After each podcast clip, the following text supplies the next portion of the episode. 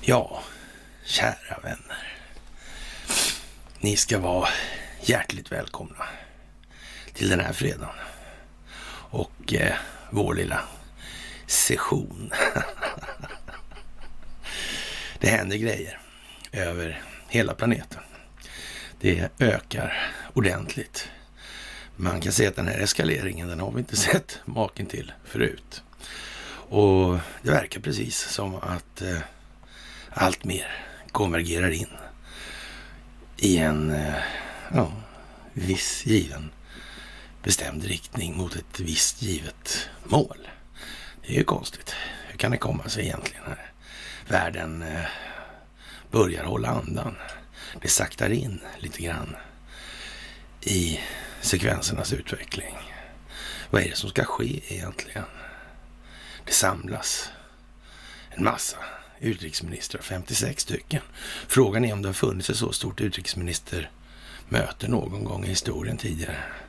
Nu finns de i Sverige. Fantastiskt. Det här kommer vi tillbaka till. Det är mycket märkligt. Vad kan det här gälla egentligen? Är det verkligen det man säger? Ja, till delar är det nog det, men eh, det är nog lite annat också. Så kan det vara.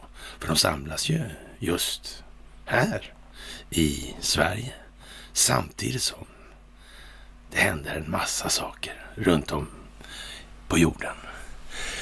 Vi skriver den 3 december 2021 och då, kära vänner, då är det dags för ett eh, fredagsmys.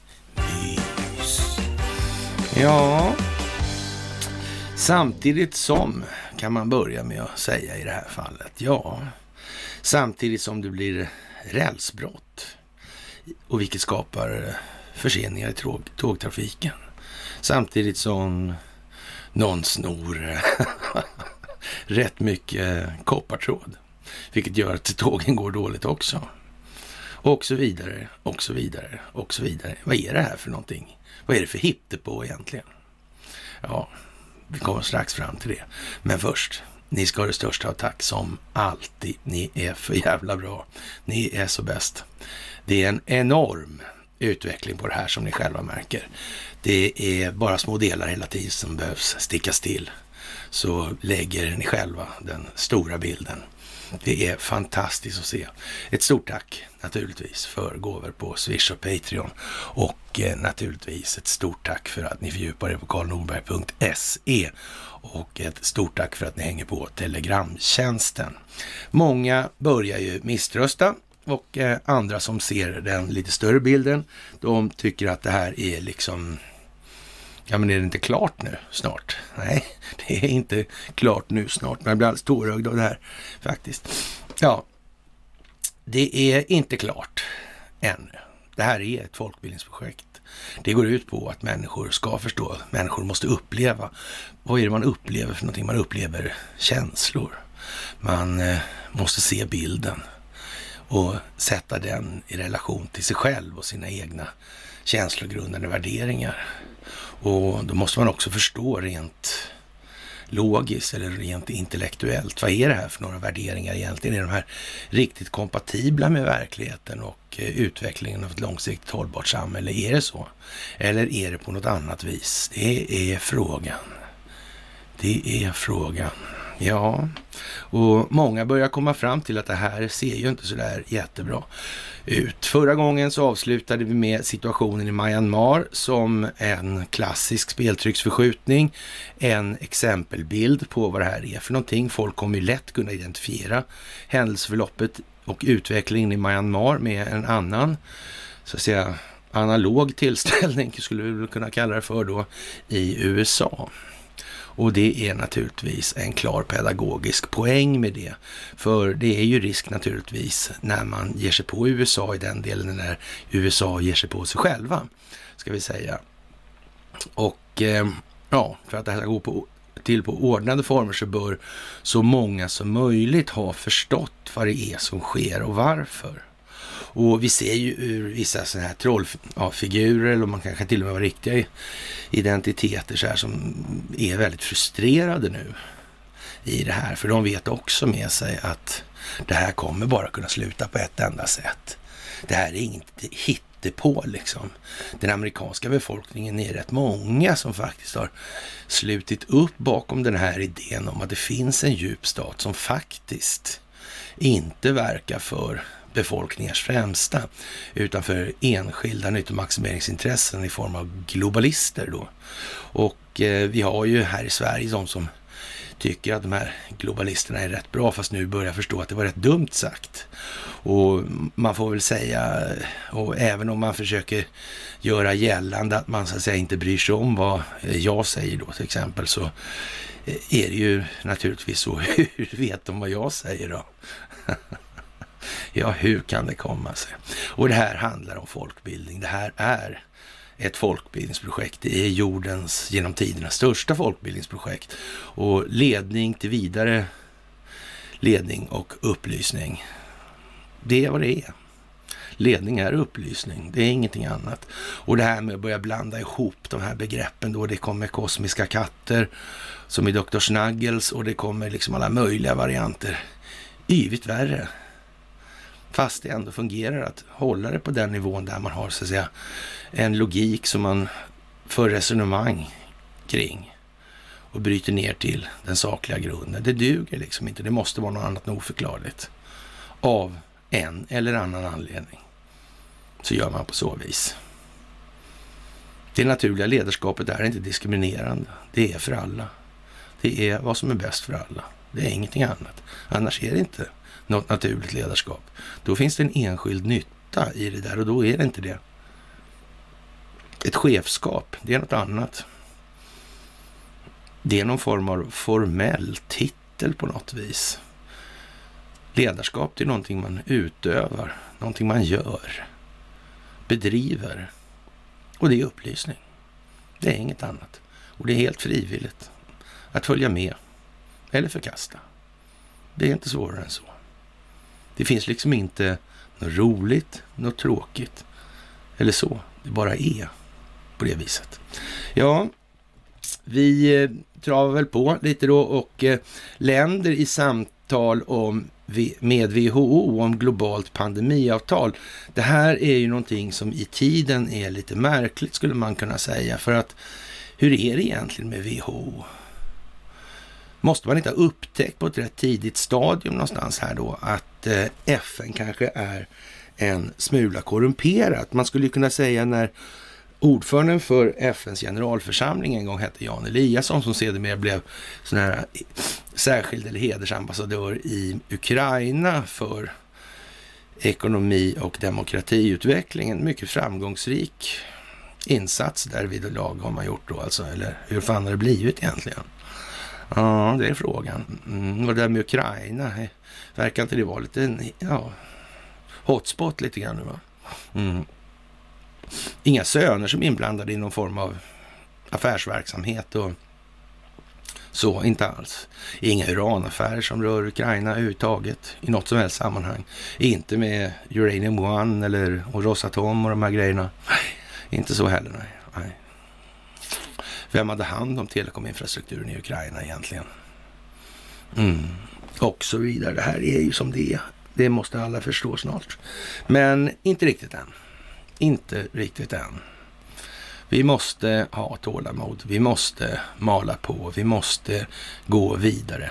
Även med oss själva i vår egen utveckling. Vi får inte stanna i den delen, för då stannar alltihopa med tiden. Vi måste förbättra oss som människor och individer, för bara då kan samhället utvecklas och få en långsiktigt hållbar utveckling. Det är det det handlar om hela tiden. Att vi måste verkligen engagera oss i den delen. Vi måste våga släppa våra tidigare känslogrundande värderingar och konstatera att det här var inte så klokt alltså. Vi har alltid det valet att antingen så ska vi ha ett samhälle eller så ska vi inte ha ett samhälle. Förlängningen på att inte ha ett långsiktigt hållbart samhälle, det är det fria kriget. Och det vill vi inte ha. Tro mig. Det är ingen som vill ha det på riktigt och tro. Men många tror att det, det kommer någon i alla fall att ordna det här. Nej, det gör inte det. Det är vi som ordnar det här, eller också ordnar det sig inte. Det är vi som måste utvecklas som individer för att samhället ska kunna utvecklas. Och vi måste få andra att följa vårt exempel i den delen. Det går inte att sitta kvar med det gamla och säga det var bättre förr, vi ska backa tiden. Vi har ingen tidsmaskin och det är inte möjligt. Det går inte helt enkelt. Och det måste vi leva efter. Ja, det här samtalet då om samarbete eller hur man ska ha ett globalt pandemiavtal. Vad är det för några människor som har, ligger bakom den här pandemin egentligen? Vad är det för någon konstruktion? Vi har ju sagt att vi lägger inga virologiska aspekter vidare på det där, men vi, vi kan väl titta och vilka är det som har gynnats av det här egentligen nu? Bara så här långt. Vilka har tjänat pengar på det till exempel? Ingår de bolagen i någon form av struktur, alltså strukturellt ägande och som kanske kontrollerar andra institutioner och funktioner globalt i olika samhällen? Kan det vara så? Varför, varför adresserar ingen det här? Det är bara en slump. Det är ingen planering, strategisk planering som ligger till grund för den här utvecklingen vi befinner oss i nu. Det finns två sådana planeringar åtminstone. Den ena snodde problemformuleringsinitiativet av en annan, helt enkelt. Och hur länge sedan var det här då? Ja, det har vi sagt tidigare. Det här är planerat sedan decennier tillbaka. Det är det. Och eh, vi kan lätt se att det här går långt tillbaka. Det kan vi lätt se nu. Vi är ju nere någonstans på flertalet håll att det, den där kraschen där 7-8 där, alltså det där var en märklig historia alltså. Mm, hela Obama-administrationen var märklig. Det här med general Flynn, alltså utnämnd två gånger och så vidare. Mm, det är mycket det där som är märkligt, faktiskt. Ja, och den här eh, Durham, vad gör han egentligen? Det Sussmanavtalet, vad kommer det leda till egentligen? Vad, vad mynnar det ut i? Vi förstår att det är en massa människor som kommer, det kommer en massa åtal som en konsekvens av det här. Det kommer advokatbyråer, Perkins Coie och det kommer en rad olika eh, saker med DNC och det kommer med Podesta och det kommer med Julian Assange och det kommer med Seth Rich och det kommer med hej och hå. Ja, hur är det här egentligen? Den här överföringen, hur såg den ut egentligen? Vad har Bill Binney och han att säga i saken egentligen? Är, är det, det är ju rent av teknisk bevisning som ligger till grund för styrkandet av det han uttrycker. Spelar det någon roll i det här? Kommer det spela någon roll man struntar och glömt bort det här? Eller kommer det komma tillbaka? Det är frågan. Det är frågan. Mm, vi vet ju inte riktigt. Men nästan helt säkert vet vi faktiskt. Vi kanske vet egentligen. Ja, men som sagt, det går inte att dra för, eller ta för stora tuggor av elefanten. Det går bara att tugga en tugga i taget, så mycket som man kan klara av att svälja, annars är det meningslöst. Får man spotta ut eller kvävas helt enkelt och det är väl lite onödigt kanske. Ja, vi kan konstatera att kvinnliga visselblåsare är någonting som kom på tapeten när så att säga, aktieägarna vill att Microsoft rapporterar om trakasserier. Ja, då är det lätt att tänka sig så här att så fort en tjej blåser i visselpipan och blir åtsatt för det här så Ja, vilka orättfärdigheter man... Det är ju inte någon som hindrar någon av upplevelsen av att det här är ju faktiskt en genusfråga då. Och, och, det kan ju knappast de som vill bara täppa till truten på den här visselblåsaren göra så mycket åt heller. Det är lite grann att eh, slå med egna medel där. Eller rättare sagt låta de som gräver en grop åt andra själva falla där i. Eller varför avbryta en fiende som förgör sig själv? Lite samma modus operandi som går igen i de här sammanhangen. Ja, det är ju en härlig fredag, en härlig vinterfredag och det är kallt. Och eh, det är kallt på lite olika ställen.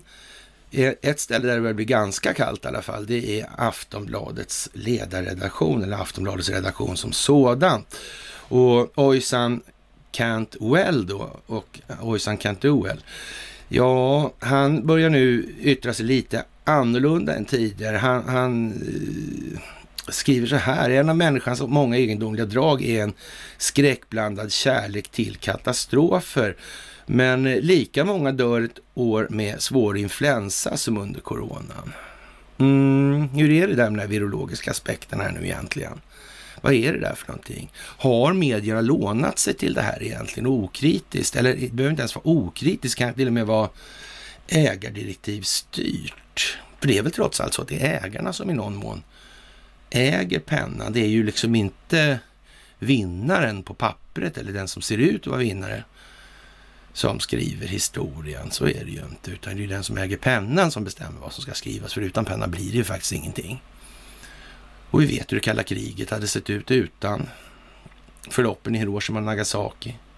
Vi vet att atomskräcken inte hade sett ut som den gjorde eller som den blev med mindre än tidningarnas och mediernas benägna bistånd.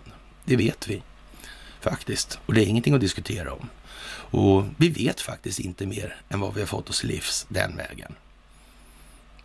Och skulle det kunna vara så att de ljugit? Rent ut alltså. Kan det vara så? Kan vi utesluta att det är så? Vem har det gynnat? Vad blev utvecklingen egentligen? Vad sa det amerikanska utrikesdepartementet? Jo, de sa så här. Familjen Wallenberg räddades mer av det kalla krigets uppkomst än av sin egen förbättrade affärsmoral. Varför sa de så? Det var ju konstigt sagt. Vad menar man egentligen? Betyder det ingenting? Ja, tyvärr är det ju så här att vi har inget benäget bistånd i form av omgivningen i det här landet. Det är samma löskefolk eh, hela vägen. Det möjligen begriper de inte bättre, men det gör faktiskt ingen skillnad. Nettokonsekvensen är vad den är i den meningen. Och många genomskådar det här nu. Många genomskådar det här, ja den här horhus, det här horhusets verksamhet, den marionetteatern som, eller marionettbaletten som, ja, struttar runt där inne. Det börjar bli för pinsamt helt enkelt med Annika Strandhäll och gänget. Kort sagt. Och det är meningen. Det är meningen. Ingenting annat. Det måste göras klart för människor vad det här är för någonting. Man måste förstå att de här olika partiseringarna eller partierna då, de har ett enda syfte. Det är kampen mot varandra på pappret, i medierna, i bild, i ljud, i verkligheten så lyder de under en och samma ekonomiska villkor. Och vem kontrollerar de villkoren? Vem kan det vara? Mm. Det finns inget annat. Den djupa staten har givetvis sett till att man har alla nödvändiga kort, alla nödvändiga resurser, alla nödvändiga möjligheter att hantera och driva utvecklingen i den riktning man själv önskar. Självklart så är det så.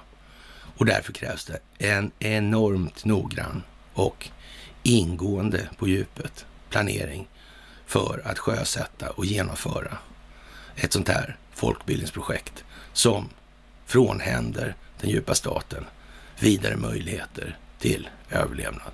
Det är ingen liten apparat. Det är en enorm förändring. Ett enormt paradigmskifte. Så är det. Ja, vi kan väl säga så här att eh, alla dessa mänskliga tragedier i form av livsverk som gått upp i rök, konkurser, mer eller mindre utplånade branscher, stigande arbetslöshet och utslagning. Ett rimligt pris att betala för ett virus som inte har lett till fler dödsfall än en elakartad influensa, avslutar ojsan skojsan där. Och jag vet inte, nu är det är han lite sådär rolig också. Sådär. Nu är dock inte perspektiv journalistikens främsta disciplin. Perspektiv är som den irriterande flugan som inte låter sig viftas bort. Perspektiv tenderar att sabba storyn. Och ja, det där är ju lite speciellt. Alltså brukar vi prata om det där kanske? Det här med vidden på perspektivet har vi kanske nämnt någon gång sådär, någon i förbifarten i alla fall. En, en gång eller kanske en och en halv då. Så, och det här är ju någonting som människor tar till sig. De förstår det här. Och titta vad som händer. Ojsan skojsan. Ojsan skojsan got no choicean. Ja, det kan man säga, det kan man säga. Mm. Det blir till att följa i dansen här, vad det lider. Tro ingenting annat. De har inga val, faktiskt. De kommer stå på dumskalleläktaren på fel stadion i förhållande till vad spelet bedrivs annars. Så det är bara att anpassa sig. Efterhand som ni blir bättre, efterhand som ni förmedlar det här till nära och kära i er omgivning, i er bekantskapskrets och så vidare, i sociala sammanhang, ja, desto jävligare blir det för den djupa staten. Det är bara så. Så det är bara glada miner, det är bara att stå på. finns ingenting att göra annat. Det finns inga alternativ. Och det kommer att bli bra, tro mig. Det kommer att bli så bra. Men det är en apparat som är oändligt mycket större än vad de allra, allra flesta klarar av att föreställa sig nu. Så är det också. Och därför måste det få ta lite tid. Ja, med det sagt så kan vi väl ta en eh, liten sån här eh, grej då om vår käre Andreas Norlén då, den högsta valda, det högsta valda ämbetet i landet, alltså riksdagens talman. Och han har gjort ett nytt genidrag. Han betalar Instagram då för att dra publik till sig själv. Och någonstans så kan väl vi ganska elakt konstatera att hans egen dragkraft då, den kan inte generera tillräckligt med dragkraft själv alltså på något vis, utan han är tvungen att köpa det här. Och det här är ju något, ett fenomen som vi kan se då runt om på nätet. Vi ser till exempel att människor, eller ja, olika kanaler har, ja, låt säga 15 000 följare då, eller prenumeranter och sen lyckas de få ihop den storartade summan av 3000 visningar på en sändning. Det verkar vara något fel på de här prenumeranterna kort sagt. Det är ungefär så billigt det här är. Och, och, och vad kan man säga så här att att eh, Andreas Norlén inte begriper bättre än sådär att det här är liksom löjeväckande att slänga ut pengar på och, och köpa sig falska pluspoäng. Det blir ju liksom det är inte förtroendeskapande för varken hans roll som talman, honom själv eller någonting annat, utan det är liksom att såga sig själv i benet eller foten rätt så ordentligt. Begriper han inte bättre verkligen? Eller vad är det här för något? Det känns ju som att det är lite klent, gör inte det? Lite väl klent kanske till, till och med, rent utav. Ja, sådär. Ungefär cirka. Börsrusat 1300 procent. Jakob Wallenberg får Guldklubban. Men eh, folket jublar naturligtvis. Det är fantastiskt välförtjänt det där. En, en smart kille alltså. Han kan ju inte alls manipulera systemet det allra minsta. Inte det allra minsta. Nej, Precis, alltså har han kanske manipulerat börsutvecklingen i de här sammanhangen? Ja, kanske har det skett fler gånger. Om man tittar på techgästar och sådana här, de som är noterade på Nasdaq. Har, har det försigkommit sån här handel då när man lägger sig emellan hela tiden? Och har det varit sådana små övningar tro? Vi minns det här med de här flashboys. Vad var det där för någonting? Många lasrar och massa sådana här grejer. Det kom upp då liksom att man faktiskt skar, det satt flera lager emellan och skar då på köporder och säljordrar. Ja. Kan de ha satt det där i system? Kanske, kanske inte. Vi får se helt enkelt. En eh, riktigt trevlig grej. Jakob Wallenberg är i farten på fler sätt naturligtvis i de här tiderna. Han har varit med i media nu sista veckan än vad han har varit på de tidigvarande 12 åren eller så kanske.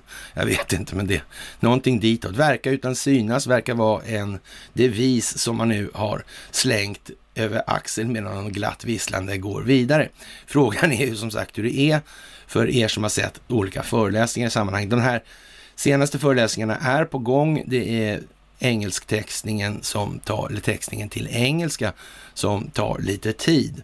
Och eh, men det är på gång i alla fall, ska ni veta. Vi hoppas att vi kan lägga upp den under helgen, den här inkommande helgen nu som är.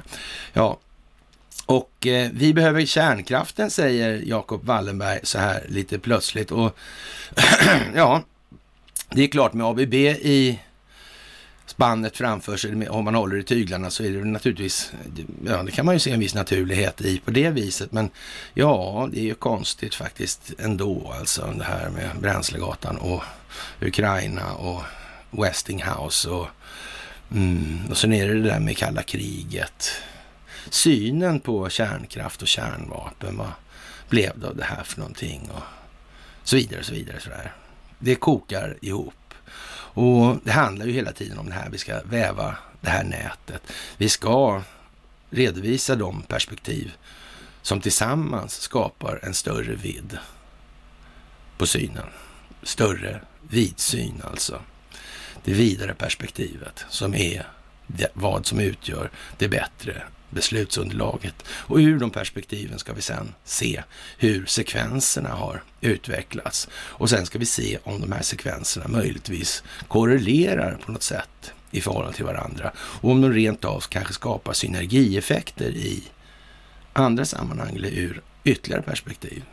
Så, så nystar man upp det här baklänges. Vi letar mönster helt enkelt och sen följer vi pengarna. Till exempel brukar vara en bra grej.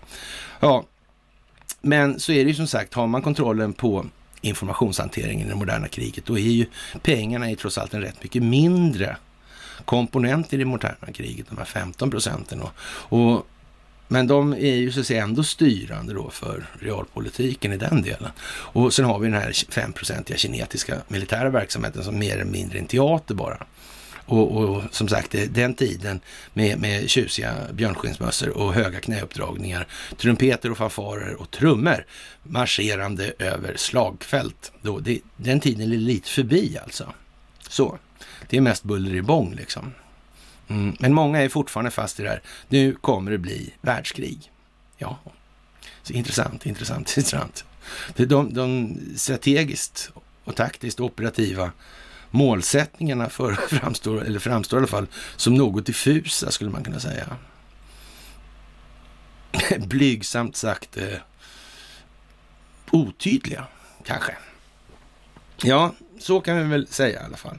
Och som sagt, med de här superhedliga ambassadörerna då, eh, med Carl Bildt och eh, Göran Persson och Jan Eliasson i Ukraina-sammanhang så Ja, och så börjar det bullras nu då i den ändan och, och, och massa kinetisk militär verksamhet. Men, och den här utrikesministern i Ukraina, han kan inte ens hålla rätt på hur många så att säga, den här upp, omtalade upptrappningen från rysk sida, det vill säga på, sin, e, på sitt eget territorium då trappar man upp. Liksom. Ja, okej. Okay.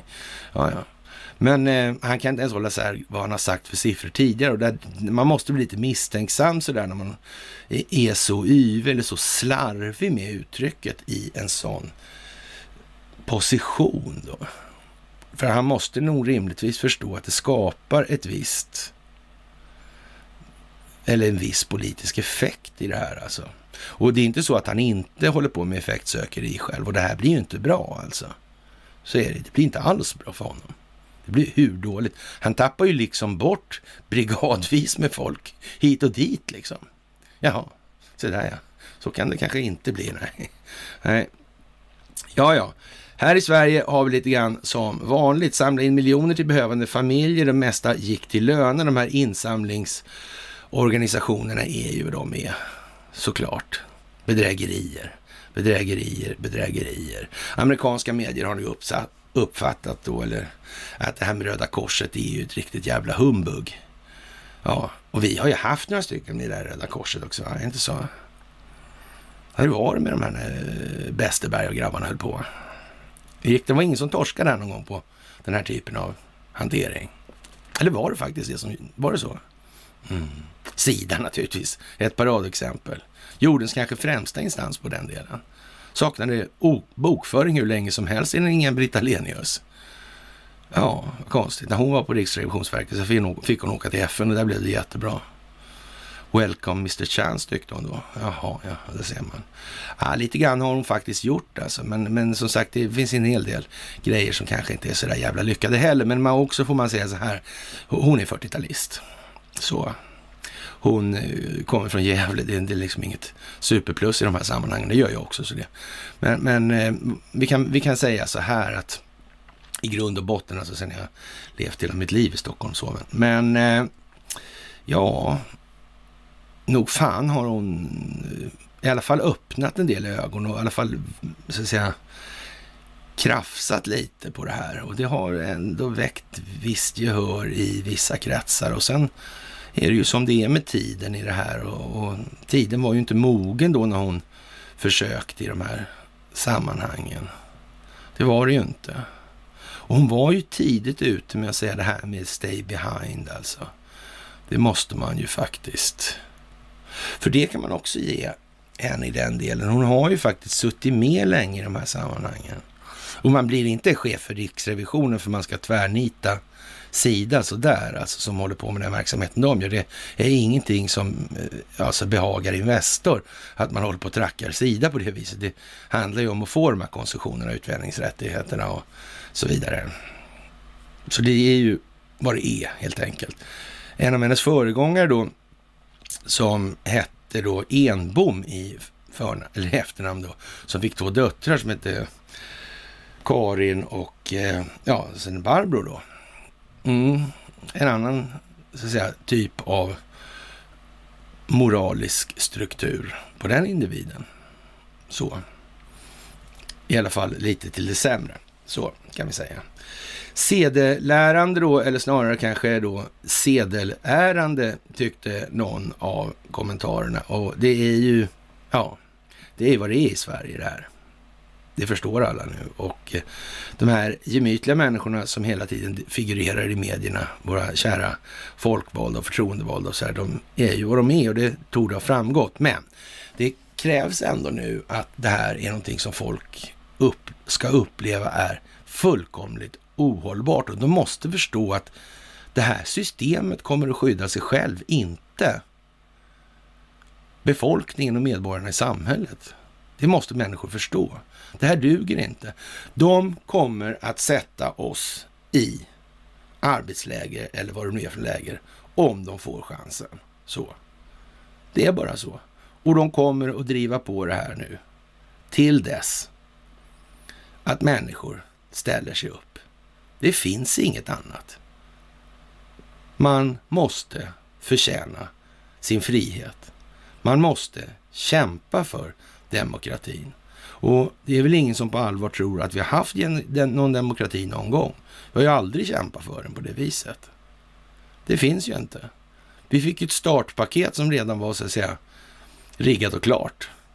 Och sen fick befolkningen det så mycket bättre att de inte gjorde revolution i princip, eller revolterade. Ja, men inte någonting mer alls, någonsin. Inte en chans. Och det innebär naturligtvis att då de här globalisterna slogs för bröstet och sa titta vad bra vi har varit för utvecklingen. Ja, det har ju blivit bättre, det ska man ju inte förneka. Men eh, kunde det verkligen inte ha blivit något bättre alls? Jo, det faktiskt kunde ha blivit jävligt mycket bättre alls. Det är bara så. Och det måste man komma ihåg nu. Det finns inga fördelar med det här systemet. Ett system som rent mekaniskt leder till att allt färre blir allt rikare på allt fler människors bekostnad. Och i det här läget så måste man så att säga ta till allt mer drakoniska insatser för att kontrollera befolkningen. Nu är ju det här liksom lite av en teater då eftersom själva problemformuleringsinitiativet kapades i den här pandemistoryn eller sagan eller vad vi ska kalla det för. Det gjorde det ju det tidigt. Och det, det är ju en sån grej som man, man, man kan inte tro då liksom att när de här patenten på ursäkta, olika substanser och, och olika tekniker har funnits så länge så kan det inte ha varit så att man från den sida som bekämpar den djupa staten inte tog med det i kalkylen. Det finns ju inte. Och om det dessutom är så att man har använt sig av datorer, då, kvantumdatorer, för att räkna på det här Q liksom. Det är kvantumdatorer alltså. Mm. Ja, men då är det ju som det är. It's all about the quants, som Steve Bannon sa en gång. Ja, Varför sa han så för? Varför sa han på så vis? Vad kan han ha menat egentligen?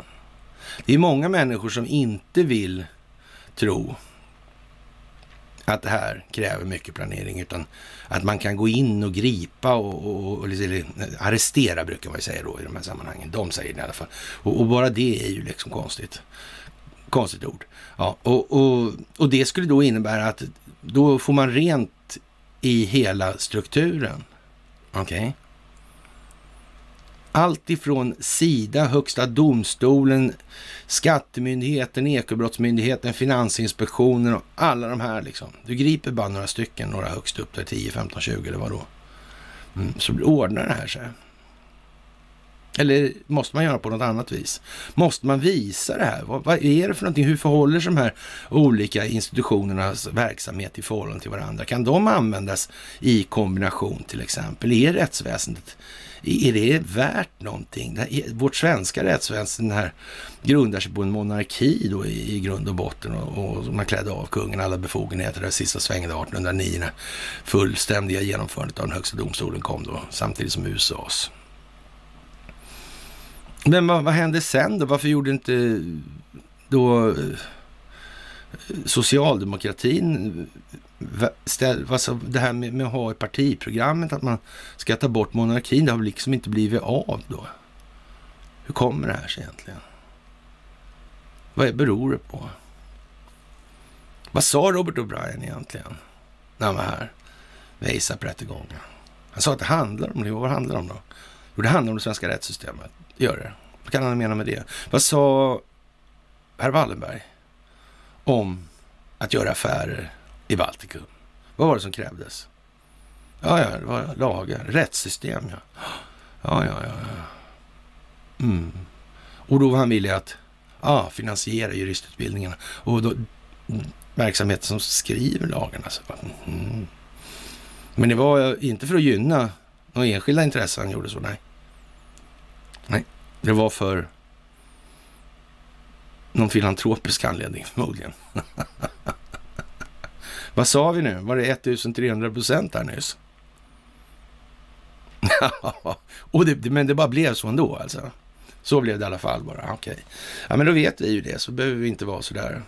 Det är lite förnumstigt helt enkelt, ska man säga.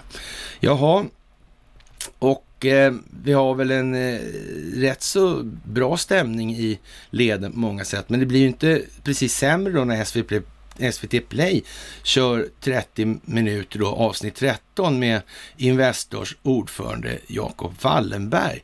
Eh, man får liksom intrycket av att det är tesagt någonstans ifrån att här ska det nu klaras ut. va? ordentligt. Och då får man säga, de får väl ta den skönmålningsvariant de vill nu i början, för det kommer annat sen. Grunden får läggas, den får ligga nog rätt nära där befolkningen befinner sig uppfattningsmässigt det, det är ju en, en, inte, eller ett inte orimligt antagande att det är mest lämpligt att göra på det viset. Och, och sen börjar man så att säga vrida upp det här en smula. Det är ingen idé att snacka om, om eh, andels eller ägande i, i eh, moderbolaget IG Farben då. Det är ingen, ingen idé att börja där. Men man kan väl säga så här när familjen Herngren får tassarna på och, och göra en dokumentär om Raoul Wallenberg så, eh, så, kan man i alla fall säga så här, det ligger i farans riktning att ja, man vet inte riktigt när den ska ha premiär och såna här grejer. Nej, man vet inte det. Man skulle också kunna säga att den kan ju möjligen vara redan färdig och det är bara frågan om när skiten ska i sjön. Det kan man ju säga också i det här. Och ja, vi kommer tillbaka till familjen Herngren och jag är ju ingen sådär äh, superentusiast, det kan jag villigt erkänna. Men eh, ändå alltså. Man får se det för vad det är. Och rätt är rätt. Det ska man också veta. Man får sätta sina egna känslogrunder och värderingar på läktaren. Om det är så och behövs. Faktiskt. Och de här är ju så att säga mycket speciella grejer när svenska medier är tvungna att så att säga spela ut det här på det viset. De flesta vet ju liksom att det finns ju ingen som, som den intervjun till exempel, det är ju inte så ofta som man har hört journalister vara så på, alltså pusha. De flesta journalister har ju tämligen klart för sig vad som hände med Bertil Torekull och, och eh, när han fick sparken då och herr Wallenberg, den tidens herr, herr Wallenberg sa så här att Bertil, vi, vi kan ju, och då var det ju, var rekordnivå på Svenska Dagbladet vid den tiden. Alltså. Och eh, herr Wallenberg tyckte då, eller herr Wallenberg i fråga tyckte då att Bertil, vi kan ju ändå inte ha en chefredaktör som inte förmår att uppfostra journalisterna till att begripa vilken hand som föder dem. Det är ju som det är va. Violblygt helt enkelt. Ödmjukt. Trevligt. Eh, ja, eller svenskt kanske. Och den här typen av svenskhet, som många vill bevara då. Och, och vi har ju de här nationella då. De måste ju någonstans nu börja tycka liksom att fan kanske ligga lågt med det här äh, nationella skiten. Om det här är, vi, vi befinner oss där vi befinner oss som en konsekvens av att vi har betett oss som vi har betett oss och varit som vi har varit. Det är det ju så. Ja. Och frågan om, om det är det vi ska liksom vårdas ömt eller om det, vad är det som är så bra med det? Och om vi nu vet att nästan allting vi har upplevt i det här under det förra århundradet och så vidare var byggt på rätt så rejäla bedrägerier, alltså av vilseledning av befolkningen, då kanske vi ska vara lite försiktiga med vad, vad man kanske ska vara så pass självkritisk som man tänker sig. Han kanske inte var så jävla smart ändå. Alltså jag har ju faktiskt jag gick ju med i sossarna en gång för jag tänkte att det här välter jag inifrån hur lätt som helst. Den, den storyn har ni hört så jag ska inte tjata hål i öronen på en. Fler med det då, eller tråka ut det med den saken. Men, men och, och, när man gick i skolan var man med i MUF liksom och sådär grejer.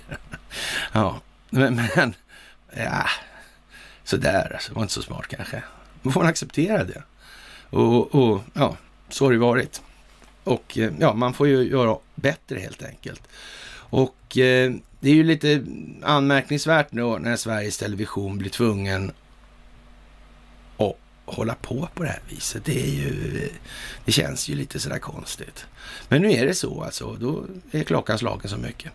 Jaha, ohälsosam prissättning får Turkiet att ingripa i liran. Och eh, vad, vad, är det där för någonting? Den här prissättning, alltså. Aha. Ja, Turkiet ingriper då och ja, interventioner då här. Men, men det här priset på den här liran. Ja, vad, vad, vad. Ja, det har väl med FX-marknaden att göra, alltså foreign, foreign, foreign exchange, alltså valutamarknaden då alltså. Mm, det är jordens största marknad. Handel med pengar. Mm. Och där åkte några fast för att ha riggat den helt plötsligt också. Fan, då måste de kunna tjäna en hacka på det. Vilka kan det vara? ja, ja, ja, ja. Vilka kan det vara? Men jag antar att de kommer med, med karavaner med kameler när de handlar med de här stålarna. Eller hur fan är det där? Eller är det elektronisk handel där? Jag vet inte. Nej, jag tror inte det är kameler. Det tror jag inte. Faktiskt. Hur som helst det här, men eh, ja, varför blev det så här den här prisförändringen på det här? Varför föll den här? Ja, det kan man säga, så då blev det ett överutbud alltså på FX-marknaden av den här liran då. Vilka var det som hade råd att sjösätta så mycket lira? Så priset åker neråt, faller. Måste vara någon med mycket lira då. Och vad finns det för några som har tillgång i det där? Mm. Någon håller på stora reserver alltså. Det kan vara banker till exempel. Valutafonder. Mm. Men de skulle väl aldrig blanda. Banker är hedliga, det vet vi ju. Och valutafonden är en, liksom en schysst grej som är till för allas bästa, det vet ju alla. Eller hur? Ja, eller sådär. Kanske lagom. SVTs meteorolog förbe, för, för, förbereder på att det kan bli elavbrott. Och Eh, ja, vad ska vi säga egentligen? Alltså det här är ju för löjligt. Farmor i alla fall, hon sa så här att vädret har blivit så mycket sämre sedan det centraliserades till Norrköping och så, så flinade hon då liksom lite elakt sådär och sa väl något spydigt på latin eller sådär. Så det, ja, som man kanske inte förstod när man var fem, sex år eller så. Men eh, det förstod man i alla fall att det här med vädret var en återkommande grej då alltså. Mm. Och till saken hörde vi lite grann det där att man eh, hade då en sån här konfinansbibel då, eller inom försvaret, eller kom, den kanske kom lite senare, den här kadettens lilla blå, men det stod till exempel vad man får prata om, inte väder var en sån grej som man fick prata om, pengar fick man inte prata om. Och man fick inte prata om politik, man fick inte prata om känsliga grejer och det här tyckte ju liksom farmor tyckte var lite lustigt då, för, för då blev den här i, i det här när vi centraliserade till Norrköping, då politiserar man vädret, då använder man vädret som någon form av opinionsbildningsinstrument i en eller annan riktning. Då, sådär. Och det kan man ju säga att istället för att ha lokalt grundade prognoser och så vidare så, så hade man en central istället som gjorde allt det här. Mm, och till och med de här prognoserna blev ju faktiskt sämre på riktigt. Sådär. Så att, ja. Men eh, det är ju dags för elavbrott nu, säger man då. Och eh, ja, vad ska man säga? Kraftigt snöfall ostlig vind och risk för snödrev. Ja, det har ju snöat lite då. Det gör det. Snön faller och vi med den kan den svenska befolkningen kanske tycka. Och eh, vi har mycket tennis nu för tiden och det här damtennisförbundet stoppar alla turneringar i Kina. Och det där är ju en historisk sponsor på det här damtennisförbundet, en nätleverantör då. Och ja, man får möjligtvis intrycket av att det här kanske hänger ihop då. Kanske. Kanske. Ja, och det är samma gamla vanliga. Men de kanske inte behövde intervjua herr Wallenberg om just det då. Ja, och så har vi då den här omikronvarianten bekräftad i USA, resenär smittad och som sagt den här, ja, omikron då som anagram betraktat då, det är Ja, det är ju vad det är då. Moronic alltså. Och, och, man kan ju säga att det finns ju något ja, företag som heter sådär också, konstigt nog. Alltså, det ligger till och med på, på i Kista, då, alldeles nära Ericsson där förresten. Och, ja, och, och, inte nog med det, det, det är Arne Börlings väg, alltså den här famöse kryptologen som knäckte ryska kryptot och tyska kryptorna. Och med bara papper och penna. Han blev genast professor i USA. ja, ja, ja. Det var inte så att grabbarna fick, ja, de hade korrumperad utrustning och det var det som byggde på möjligheten att, eller skapade möjligheten att bryta det här kryptot, eller redan hade brutit det här kryptot. Ungefär som, är, ja, vad ska man säga, sånt som plägar fiskas upp ur sjöar kring Sollentuna. Ja, ja, kryptograf alltså. Boris Hagelin och så vidare. Det där har ni hört mig tjata om till leda. Men nu är det ju så här att Eh, alla har ju inte det ännu, utan det blir allt fler och väldigt många är tacksamma för det vi gör här med den här kanalen och att det faktiskt fungerar. Det blir lite lättare att andas. Alltså det, det är inte, vi har koll alltså. Och det finns de som har extrem koll på det här, på den här planeten. Som vet vad som ska göras. Vilka förlopp som måste sjösättas, iscensättas, vid vilka tidpunkter och varför. Det här är ingen gissningslek alltså, på det viset. Saker som jag har sagt för länge sedan kommer ni till exempel ihåg plötsligt. Ja, men det var ju det där. Det sa han för länge, länge, länge sedan. Ja, alltså för länge sedan. Så var det. Mm. Och det här kommer att gå igen och ni kommer se det allt mer och allt tydligare. Hela vägen fram. Så är det. Och det finns inte någon möjlighet till någonting annat. Så är det också.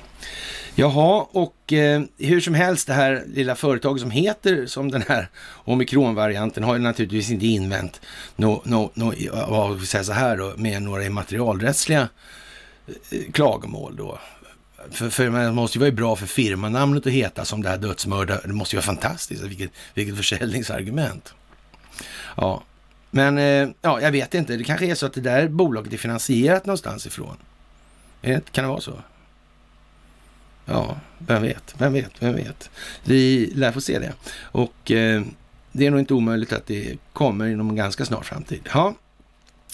Tonläget och kontroversiell jättedamm trappas upp då och dammkonflikten mellan Egypten och Etiopien är naturligtvis en intressant fråga i det här och eh, ja, det här med kraftproduktion, det är vad det är. Kort sagt.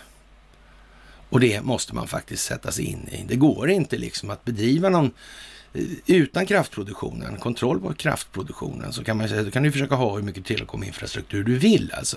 Har du ingen ström så fungerar inte telekominfrastrukturen, punkt jävla slut. Och av någon jävla anledning då så tycks de här människorna bakom Investor ha begripit att det moderna kriget faktiskt ser ut på det sätt som vi beskriver, som inte någon annan i det här landet beskriver som. Och det är ju ta med fan ynkligt. Att de fortfarande inte kan anamma den biten än. Så det, man, så här, det blir inget bra intryck, eller ger inget bra intryck i vart fall, att man fortfarande backar ur det här. Det, det är ju det är värdelöst liksom. Det verkar ju snarare befolkningsfientligt och ingenting annat. Det är ju jättesvårt att tro någonting annat. I det här skedet är det väl inte liksom läge att försöka säga att man, ja men det sa jag från början och så vidare. Så det gjorde man inte alls då. Men det behöver man inte ens säga, bara man använder rätt terminologi och rätt begrepp och leder det här till rätt slutsatser. Det är vad som spelar roll. Det är ingen jävla tävling. Men problemet är nog det här. Det är självbetraktelsen som saknar alldeles för mycket kritisk granskning. Det är så. Man vill gärna tjäna lite själv på det här. Man är inte trygg i att faktiskt göra det här för att det ska gynna alla. Man är inte tillräckligt trygg i det. Och då kommer det här. Och det ser för jävla illa ut nu när hela jorden börjar se det här. Och ett, det fortfarande är ett fåtal i det här landet som använder sig av rätt begrepp, rätt terminologi och så vidare. Det är fortfarande ingen som pratar om skuldmättnad. Det är fortfarande ingen som pratar om ackumulerad räntekostnad. Det är fortfarande ingen som pratar om det moderna krigets komponenter. Är det inte konstigt? Borde inte fler förstå det vid det här laget? När det till och med börjar synas utomlands? Jo, det borde de ta med fan. Och det är svenskt att inte göra det. Och det är ingenting som vi ska vara kulturellt stolta över. Tro fan inte det alltså. Nej, det är det inte. Jaha, hm ägaren tjänar på en trasig bostadsmarknad och det där är ju intressant med Carl Johan Persson, alltså hans kompisar. Va? Det är ju gulligt. Och fan, det finns en och annan advokat som nog tycker det är stressande det här alltså. Det tror jag. Riktigt stressande. Ja, billiga bolån till unga utan rika föräldrar lanserar man den här satsningen. Jaha, jaha, jaha. Ja, det verkar precis som att Carl-Johan Persson hamnar lite mitt i, va, mellan varven nu. Och eh, det duger inte bara att ha barnarbetare i Bangladesh och de här prylarna och mörkningar för det mesta i fråga om allt och ingenting. Det verkar som att det håller på att nystas upp en massa saker. Jag är säker på att det finns bolag som man har varit inblandad i som, ja, i alla fall har varit uppe hos Ekobrottsmyndigheten och vilka som har lagt ner det där. Möjligen av det skälet att just Carl Johan Persson fanns i de här bolagen, eller figurerade i samband, samband med dem. Det var fler än han, faktiskt, som fanns i det här sammanhanget. Det för sammanhanget. Och det kan vara många fler också dessutom. Det är ju konstigt, är inte det? Men eh, det har vi inte hört det sista av. Det är helt säkert. Helt, helt, helt säkert. Ja, Wallenberg junior, forskare bör ges uppehållstillstånd. Man kanske ska tänka sig för här nu att, eh, ja, vad är det här egentligen? Den här forskningen, vad ska den vara till för? Vem finansierar den? Med vilket syfte? Mm. Är det bra att ha sådana här enskilda intressen som finansierar forskning? Är det ingen risk att den här forskningen blir så att säga lite grann som Svenska Dagbladet blev det under Bertil Torekull? Eller tvärtom, som man inte skulle bli under Bertil Torekull? Är det inte det? Det är, det är ovillkorade pengar, det är bara liksom, de kan göra vad de vill på jobbet sen. Mm. Och om samma finansierande part till exempel har tillgång till en massa information från hela världen angående forskningsframsteg och så vidare. Är det inte risk att det smygs in lite grejer den vägen också då? Och sen låter man de här forskarna ta kräden för det. Och då blir de ju inte så snacksaliga. I så mått då. Det är en fin hållag om forska, av forskare. Mm. Här är det upptäckt du kan göra. Du kan få patentet. Skulle kunna gå till så någonstans. Mm. Om man ser till antalet fattiga patentinnehavare så verkar det nästan som att det, det är nog satt i system det där. Va? Mm. Det är liksom a done deal redan från början. Det var i säck innan det kom i påse. Faktiskt, ja, ja, det kan ju vara så ibland här i världen. Jaha, Ann Linde välkomnade Antony Blinken på Arlanda och det är ju lite ja, vad ska vi säga, på onsdagskvällen då i förrgår alltså. Utrikesminister Ann Linde tog på onsdagskvällen emot sin amerikanska motsvarighet Antony Blinken på Arlanda. Blinken kommer under morgondagen igår alltså delta på utrikesministermötet för medlemsländerna i OSSE, skriver TT. De två ländernas representanter höll sedan ett bilateralt möte. Trevligt att träffa Blinken igen, säger Ann Linde då och vi diskuterar sakförhållanden inom OSSE, inklusive säkerhetspolicyn och vikten av demokrati, mänskliga rättigheter och rättssäkerhet för att upprätthålla säkerheten i vår region. Ryssland och Ukraina är på agendan, skriver Ann Linde på Twitter. Blinken kommer alltså träffa sin ryske motsvarighet i Stockholm under torsdagen. Igår alltså gjorde han det. Och det här blev ju lite märkligt med ljuset till exempel. Då var det fel på kraftförsörjningen, var inte det konstigt? Det var ju konstigt det där alltså. Mm. Samtidigt så hände något konstigt. Med, då, då blev alla Petter Stordalens 200 enheter hotell alltså kapade, hackade. Mm. Och den som hackade hade kontroll på allt ifrån ljuset till jag vet inte vad. Så blinkade det för Lavrov. Vad sa Lavrov förresten? Vi är inte här för att dansa. Jaha. vad kan han ha menat med det här egentligen? Vad kan det här vara? För säkerhetstjänsten hade väl gjort sitt jobb antar jag. De skickade väl inte... 56 länder skickade knappast sina utrikesministrar till Sverige om de hade minsta kännedom om den verksamhet som Sverige har bedrivit de sista par hundra åren. Det tror jag inte på. Nej. Någon borde ha känt till det i alla fall. Någon borde ha känt till vem som kontrollerar telekominfrastrukturen och kraftförsörjningen i sina egna länder. Av de här 56 menar mm.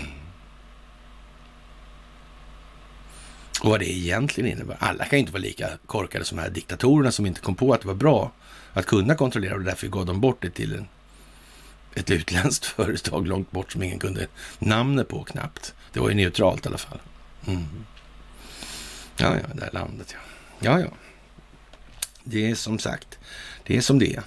Ja, EU har inlett en utredning efter att nyckeln som används för signering av digitala covidbevis har läckt ut. Något som i sin tur innebär att det nu finns mängder av falska intyg som används för resor inom EU. Det rapporterar Computer Sweden. Och det får man väl säga är väl lite trist historia där. Jävla otur helt enkelt. Jävla otur. Mm.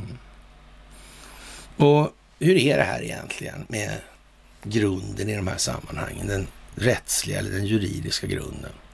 Vad är det här för någonting? De flesta länder har ju så att säga någon form av konstitutionell grund för sitt rättssystem. Sverige har ju ett litet annat system. Vi har ju ingen maktdelningsprincip här alltså. en lagstiftande, en verkställande och en dömande del då som ska hålla koll på varandra så det inte uppstår en massa korruption då till exempel. Så har ju inte vi, utan vi har ju något som heter folksuveränitetsprincipen och det innebär att all offentlig makt utgår ifrån folket. Och eftersom den är absolut noll, eftersom offentligheten är beroende av ekonomin, Mm. Och i det moderna kriget så har den inte kontroll på ja, informationshanteringen heller. Det blir liksom inte så mycket makt kvar då i de här sammanhangen. Inte ens den kinetiskt militära verksamheten har man kontroll på. För den är ju beroende av det militärindustriella komplexet. Och det ser man ju så här i den absolut absurda ytterligheten. Att det är någon form av statsangelägenhet när någon snor företagshemligheter från de berörda bolagen i det här. Jaha, så tokigt. Men hur vet vi då som svensk befolkning att det här företaget faktiskt gör saker och agerar med utgångspunkt från befolkningens och landets bästa och inte sin egen vinstmaximering? Hur vet vi det? Eller rättare sagt, är det någon nu som är så jävla dum fortfarande så han inte fattar att så är det inte, liksom, det fungerar ju inte så. Vi blir blåsta i alla led hela tiden i så motto. Det här är inte mycket att resonera om alltså. Det är rakt, klart, enkelt, lite Welanders, uppstaplat. Det är inte svårare än så faktiskt. Ingen kan missa helt enkelt. Jaha, vad ska vi säga? Magdalena är lite i blåsväder. Hon är ju i alla fall lojal mot sin man och det kanske länder henne till heder till syvende och sist. Det vet inte vi. Det kan vara det faktiskt. Amerikanska medier har ju en tendens att eh, tycka, ja, det är som det är helt enkelt. Och därför blev det som det blev med familjen Como nu. Mm. Kanske är det bra att Magdalena faktiskt är som hon är. Hon har ju trots allt rekommenderat det fria, den här rörelsen alltså. Vid något tillfälle som det var helt otroligt konstigt gjort. Men, vet inte. Vet inte. Samma sak som jag sagt med Madonna. Det där är konstigt. Det är konstigt och inte minst efter det här senaste utspelet om yttrandefriheten vad vi är tillåtna att diskutera och inte. Vad som måste förbjudas helt plötsligt. Och förut, tänker det vara, Då skulle vi få då skulle vi få saker helt enkelt. Om vi bara vaccinerar oss. Nu är det inte så längre. Nu är det tvånget. Nu är det de repressiva åtgärdernas tid. Och nu gäller det att människor faktiskt tar sig samman. För det finns ingen annan väg ur det här. Det är lika bra att göra det nu. Det blir värre senare. Helt säkert. Det kommer inte att bli bättre. Systemet är skuldmättat. Det är bara det. Och det har man ju försökt använda sig av, den här covidiotin, för att dölja. Det är inte så annat än så. Och eftersom systemet fortfarande är skuldmättat, ja, då är det som det är. De där skulderna försvinner inte någonstans. De går inte att betala. De är obetalbara. Det fungerar inte. Den ackumulerade räntekostnaden är för stor. Så. Och eh, börjar man peta i det för mycket, ja, då faller förtroendet för systemet och blir det kaos. Så. Och börjar man höja räntorna så minskar inte problemet med den ackumulerade räntekostnaden. Det förstår vem som helst i det här läget. Och eh, näringsministern inte jävig, Karl Petter Thorvaldsson, han har ju en, ja, en meritlista som är lite så här sär helt enkelt, skulle vi väl kunna hålla oss till att säga då. Ja, han är lite mysmyglig sådär bara. Mm.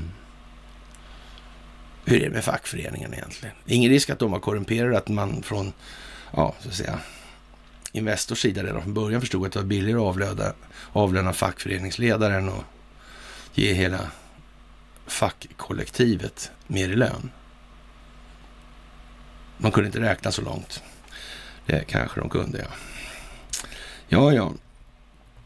Och sagt, det här med Chris Cuomo och hans brorsa där i New York, det är ju vad det är.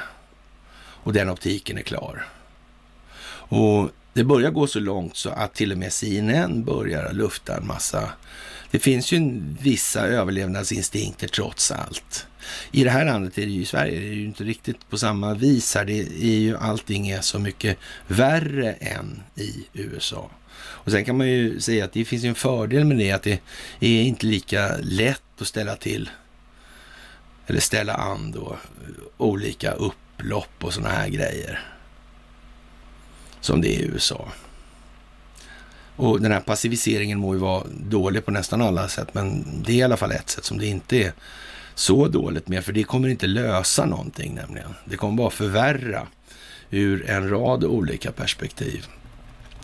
Nigel Farage har gjort en intervju med Donald Trump och det är en intervju som är väl värd tiden ska man väl kunna säga och det är mycket som sägs som är klokt och eh, det är väl det det här handlar om nu, att, så att säga, förklara vad var det egentligen som hände? Varför blev det som det blev? Var befinner vi oss nu? Var ska vi någonstans i det här? Det gäller alltså att eh, titta på vad vi var. Hur såg det ut egentligen? Och var är vi nu? Och sen gäller det att dra en linje där och så gäller det att extrapolera den här linjen framåt i det här. Följa den här utvecklingsriktningen. Och då är det jättesvårt att missa då vad som har skett egentligen om man tänker efter. Det, här, det var aldrig så att Donald Trump skulle vinna det här valet som var då. Han vann förvisso valet eftersom Joe Biden fuskade, men det måste fuskas först. Det måste vara klart att det har fuskats och det måste vara fullbordat, det här brottet, för att det här ska så att säga kunna hanteras i efterhand. Och ja, det blir ju rätt mycket folk inblandat skulle man kunna säga. Och de sjunger som kanariefåglar nu just. De, eller så hoppar de av då så mycket de kan. Och så finns det några stycken då som inte kommer någon vart egentligen i förhållande till vad de har gjort tidigare. Och där kan man väl då ta amerikanerna på orden eftersom vi själva, eller jag i alla fall, har anfatt, eller anfört det under hela tiden att det kommer ju bli ett enormt psykosocialt hålrum i många människor. Ett enormt mörker, en enorm hopplöshet. Det finns inget ljus. De tenderar nog att bli rätt så stora offer för sig själva och det är ju deras egen sak att hantera. Det kan tyvärr ingen annan hjälpa dem med alltså i det här. Och de flesta i den situationen har ju en självsyn som gör att man inte gärna kanske förlåter andra så mycket och eftersom man inte kan förlåta sig själv. Och då blir det utifrån det också som man bedömer och ja, ser på sin omgivning helt enkelt. Så att eh, ja, det där krypandet till korset och vändningarna under galgen, det kommer inte komma överallt. Så är det, utan det, de gör vad de tror är bäst. Eller de vet att det inte är något bäst, men de kan inte föreställa sig ens hur det skulle gå till att göra någonting annat. Därtill räcker inte fantasin helt enkelt i det här läget. Och de är för känslostyrda. Ja, 50 fall av misstänkt omikron på julbord. De var fullvaccinerade allihopa, skriver Aftonbladet. Och ett 50-tal personer smittades med coronavirus på ett julbord i Oslo förra veckan. Tester, tidiga tester tyder på att det drabbas av den nya omikronvarianten då, som är far, jättefarlig då enligt medierna då och inte fullt så farlig enligt de som är insatta i vad det här är för någonting. Och enligt den informationen vi har var alla alltså fullvaccinerade, säger då den här Tine Ravlo. Det kan man väl säga är lite motsägelsefullt kanske till vad medierna i övrigt presterar för någonting. Men det här handlar som sagt, människor ska vakna, människor ska reagera, människor ska förstå och så vidare. Det är hela grejen. Det är det som måste ske nu. och kontinuerligt framåt.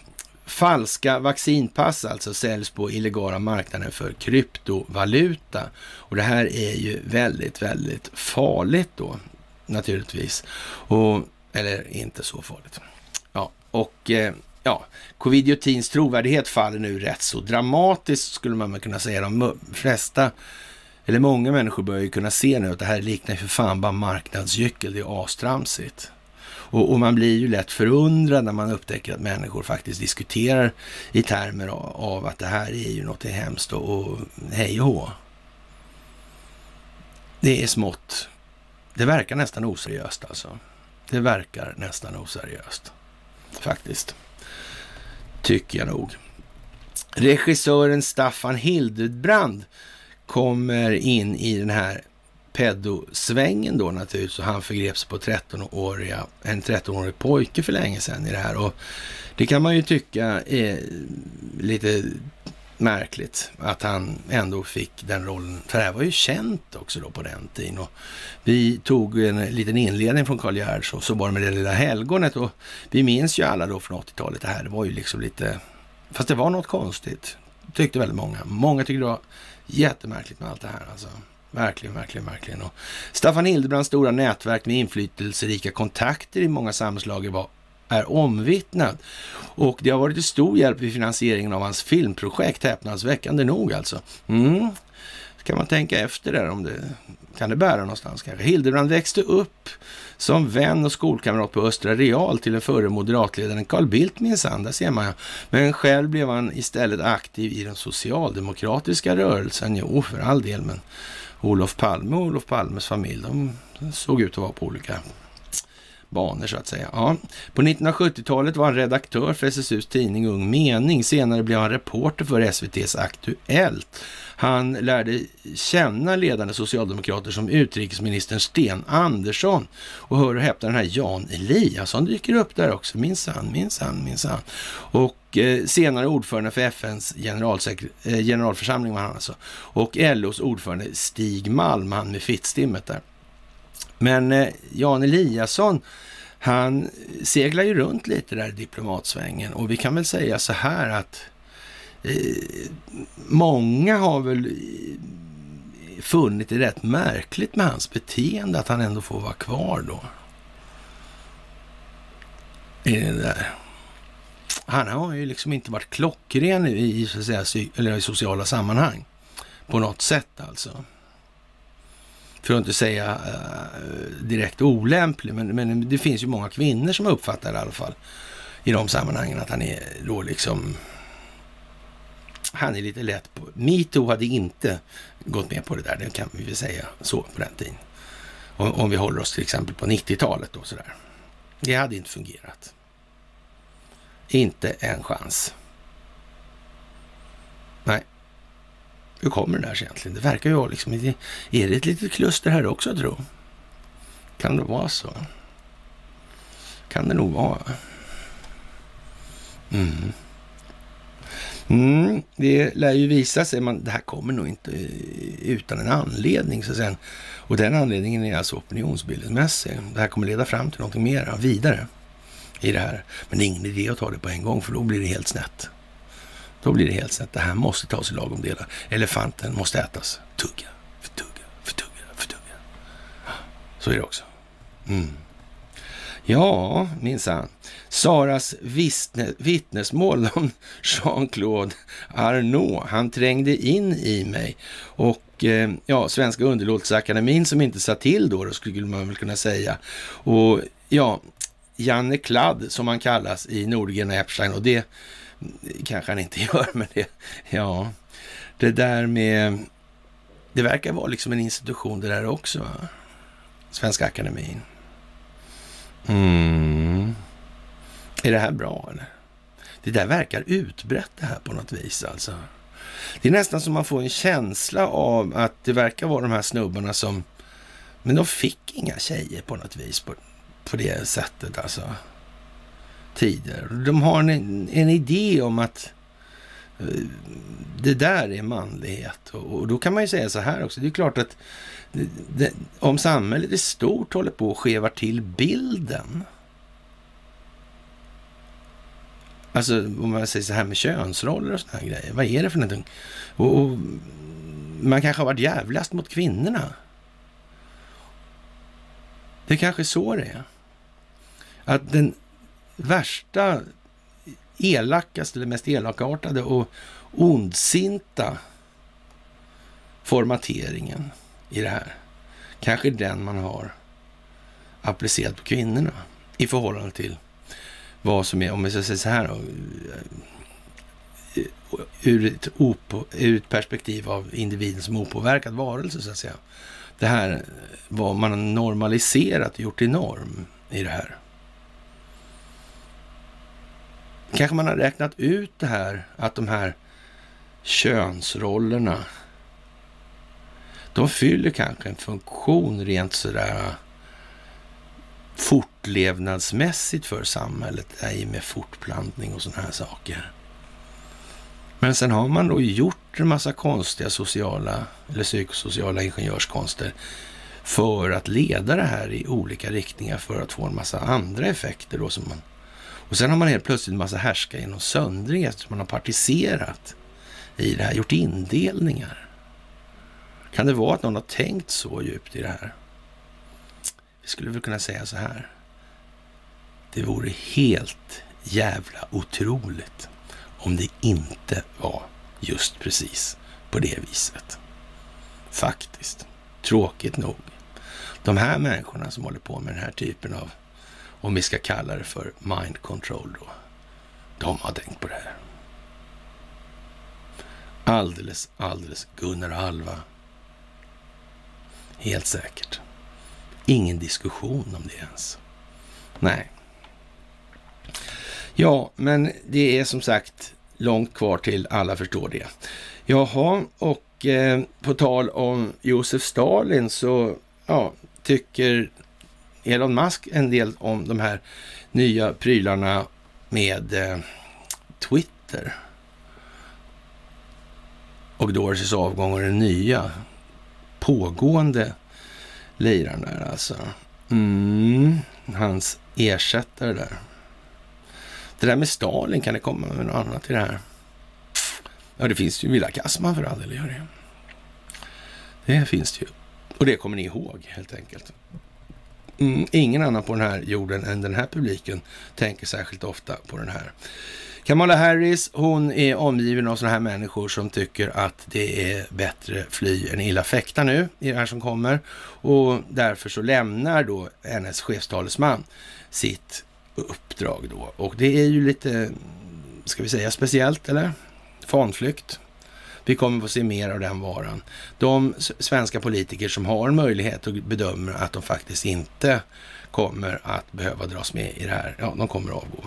I jättestor omfattning, helt säkert. Nya förslaget ska kunna tvinga misstänkta att öppna mobilen. Behövs det ska vi använda, behövs det användas våld så öppnar vi upp för det, säger någon eh, som är en och en halv meter över horisonten. Ja, Jaha, och det är Morgan Johansson som har ett litet gig med då Strandhäll numera också. Det verkar bli mer eller mindre vara ett sånt här uppsamlingsheat det här. Här kommer Morgan liksom och börjar snacka om repressiva åtgärder. Big time, ingrepp i den personliga integriteten. Ökad alltså. Ska vi behöva ta till våld, då tar vi till våld. Men ja, nej, jag vet inte om det där är liksom öka förståelsen sådär jättemycket för åtgärden. Vad sägs om att förklara grunderna till varför mer tydligt eftersom det är så många som inte förstår den här logiken som man håller sig med från regering och riksdags sida. Hur, vad sägs om den idén? Är det helt värdelöst? Och sen inte komma med sånt här jävla sladder om att det har en enig forskning sagt och från initierade källor och det här vanliga svamlet. Bort med det alltså, utan gör det här ordentligt istället. Men varför vill man inte det då? Det har inte saknats tillfällen. Varför gör man som man gör? Vad kan anledningen vara? Och det är ju den skitstanken som ingen kan missa. Alla ser ju det. De, man ser skitstanken på dem. Det är bara det. Men det måste bli mer tydligt. Det räcker inte. Vi måste gå runt granen. Många varv till i det här. Tur att julgranarna är gravmärkta. Helt enkelt. I alla fall.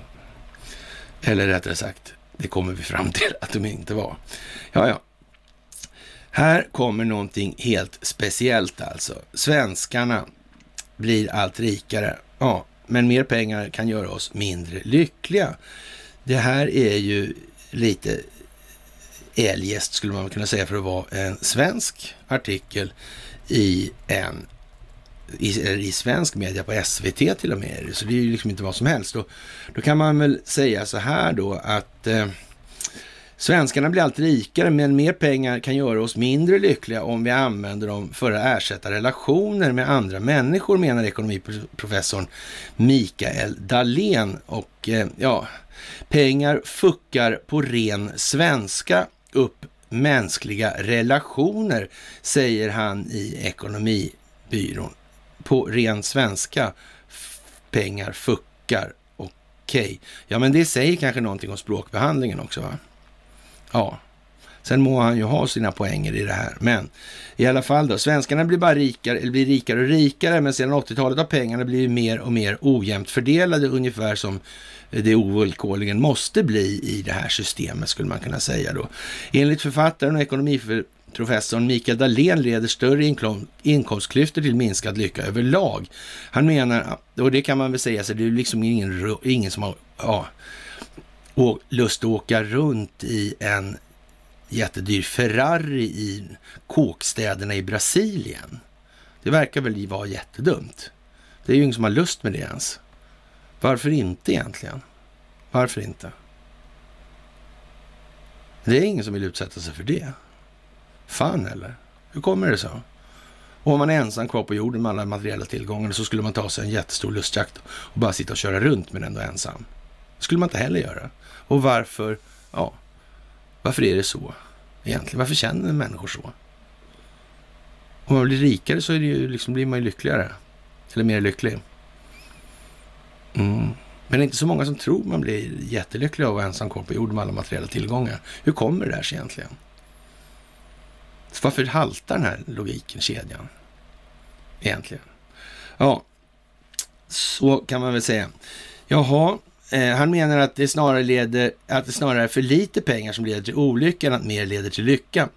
Jag kallar det för att vi lätt blir hypokondriska, men man har som mål att få, få, få så mycket pengar i plånboken som möjligt och tänker att det kommer göra en för evigt lycklig. Ett, efter ett tag märker vi att det inte går och då kan man tro att man är mindre lycklig än vad man är, säger han i i Ekonomibyrån då. Ha, rika människor är lyckligare då. Jaha. Enligt Erik Agner, nationalekonomiprofessor i praktisk filosofi, är rika människor i snett mer lyckliga än mindre rika. Eh, det finns i snitt en positiv korrelation med pengar och lycka, säger han i Ekonomibyrån. Och i så fall så säger han att människan som sådan är allt för, eller är jävligt banal då, eller allt för banal för att förstå sitt eget bästa. Det, det kan man ju säga också det är liksom inte så mycket att diskutera om. Man, man kan säga så här i, Hollywood, det är ett praktexempel med alla självmord så där. Det är ju som det är då liksom. Och de har oftast mer pengar än vad gemene man har. Och eh, det går inte att köpa bort olycka och eh, Dessutom är folk med mycket pengar lite slarviga med relationer och tror att de kan köpa sig fria, säger Mikael Dahlén. Det har psykologen Anna Bennich erfarenhet av i sitt arbete som psykoterapeut. De träffar människor som försöker köpa bort olycka. Alltså man går och köper sig en massa saker då när man är rastlös eller har ångest och sådana här grejer. Och det tror jag många svenskar känner igen sig i, att det är liksom ett vanligt konsumtionsmönster då.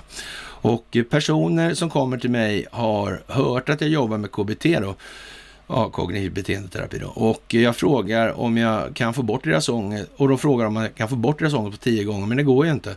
Ingen har ett ständigt välbefinnande eller är ständigt lycklig. Det spelar ingen roll hur mycket pengar man har, säger hon till Ekonomibyrån då. Och det här är ju någonting som, som sagt, det här kommer, det här kommer.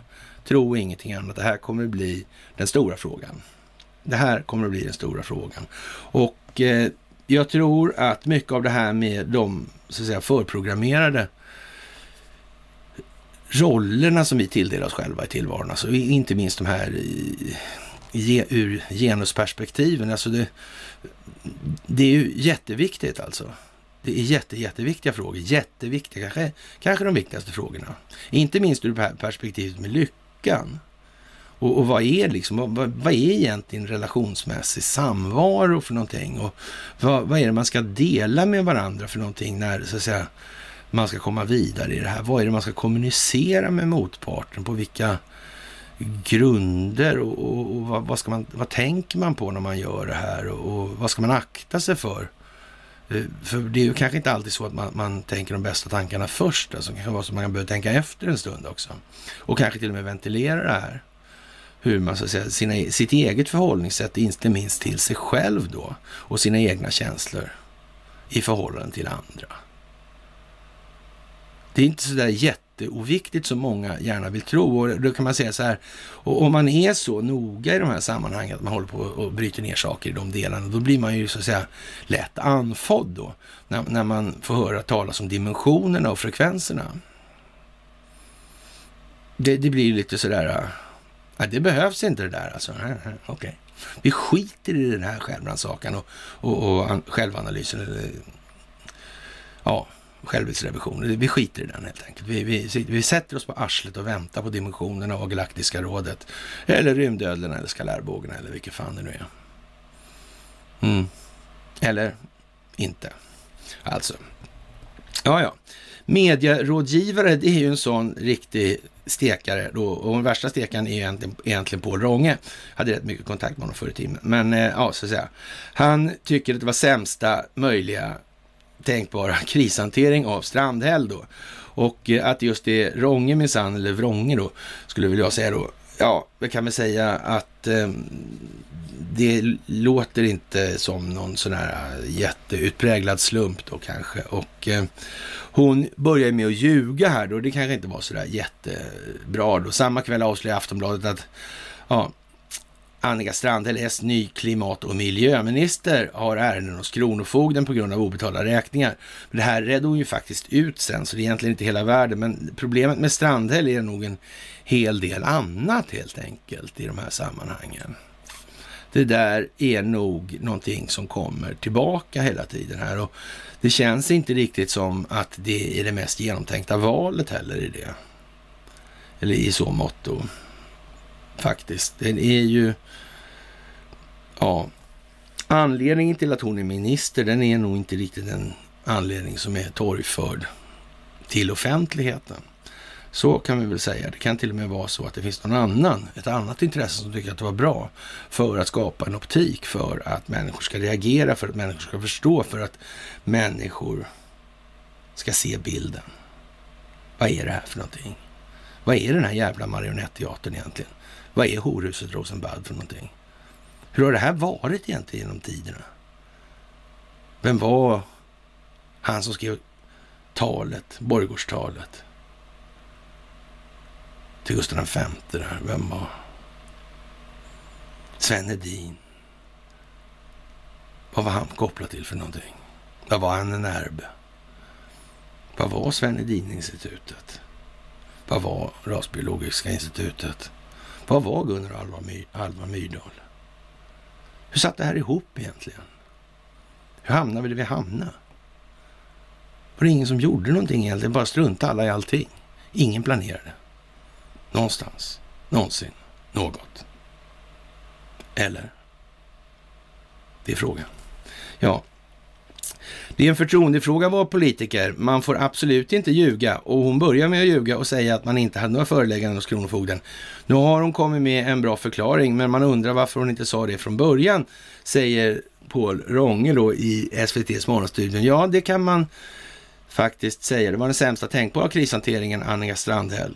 Kanske inte ville visa sig sårbar, men det blev helt fel, säger han. Ja, det kan man ju faktiskt säga. Eller då så var det tillsagt. Eller så var det tillsagt för att exponera, för att visa. För att visa hur det faktiskt fungerar, för att visa just den verkligheten vad det är för någonting vi har att göra med och alltid har haft att göra med och aldrig någonsin någonting annat. Det kan ju vara så Det kan ju vara så att de är här inne redan. Det kan ju vara att de har en idé om hur det här ska gå till för att väcka befolkningen. Det kan det vara faktiskt. Det kan det vara. Jaha, och eh, att på onsdagen visade sig vara sammanlagt nio ärenden har Annika Strandhäll beskrivit som överraskande och eh, ja, det är nog inte de enda överraskningarna som kommer för befolkningen längs den här vägen kan vi väl säga. Alec Baldwin om dödsskjutningen. Jag avfyrade aldrig vapen. Det här var en single action revolver då och ja, vad ska man säga? Det låter lite filmiskt. Mm. Det där var ju säkert den kommit på sig såklart. Det kan vara så att Alec Baldwin faktiskt är lite madonnisk. Kanske. Ja, så.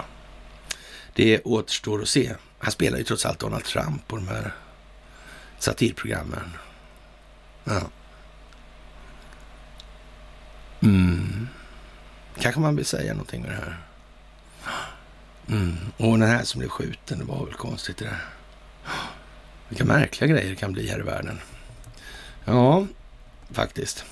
Rysslands flytande kärnkraftverk, en annan märklig grej som ska försörja ny handelsväg.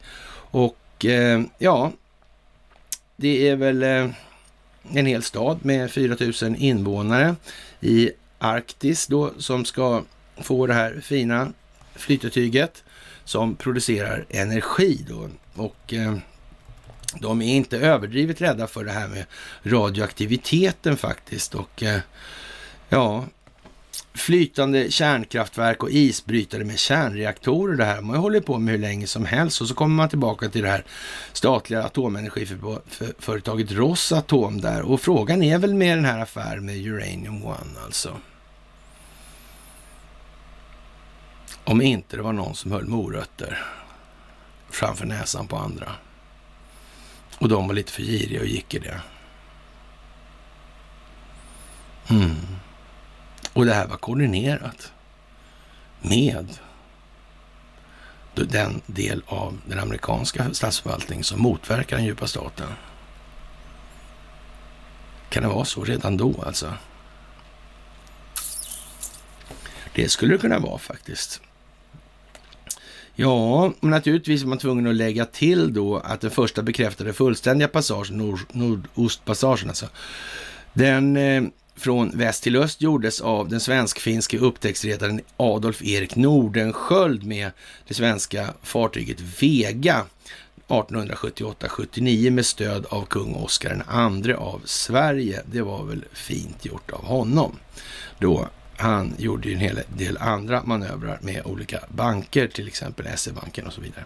Ja, oflyt med namnvalet, alltså det här Omikron CT aktiebolags företagsinformation. Det är ju lite som det är det där helt enkelt. Och vi får väl se om det här omikron är världens dödligaste mörd mördarvirus.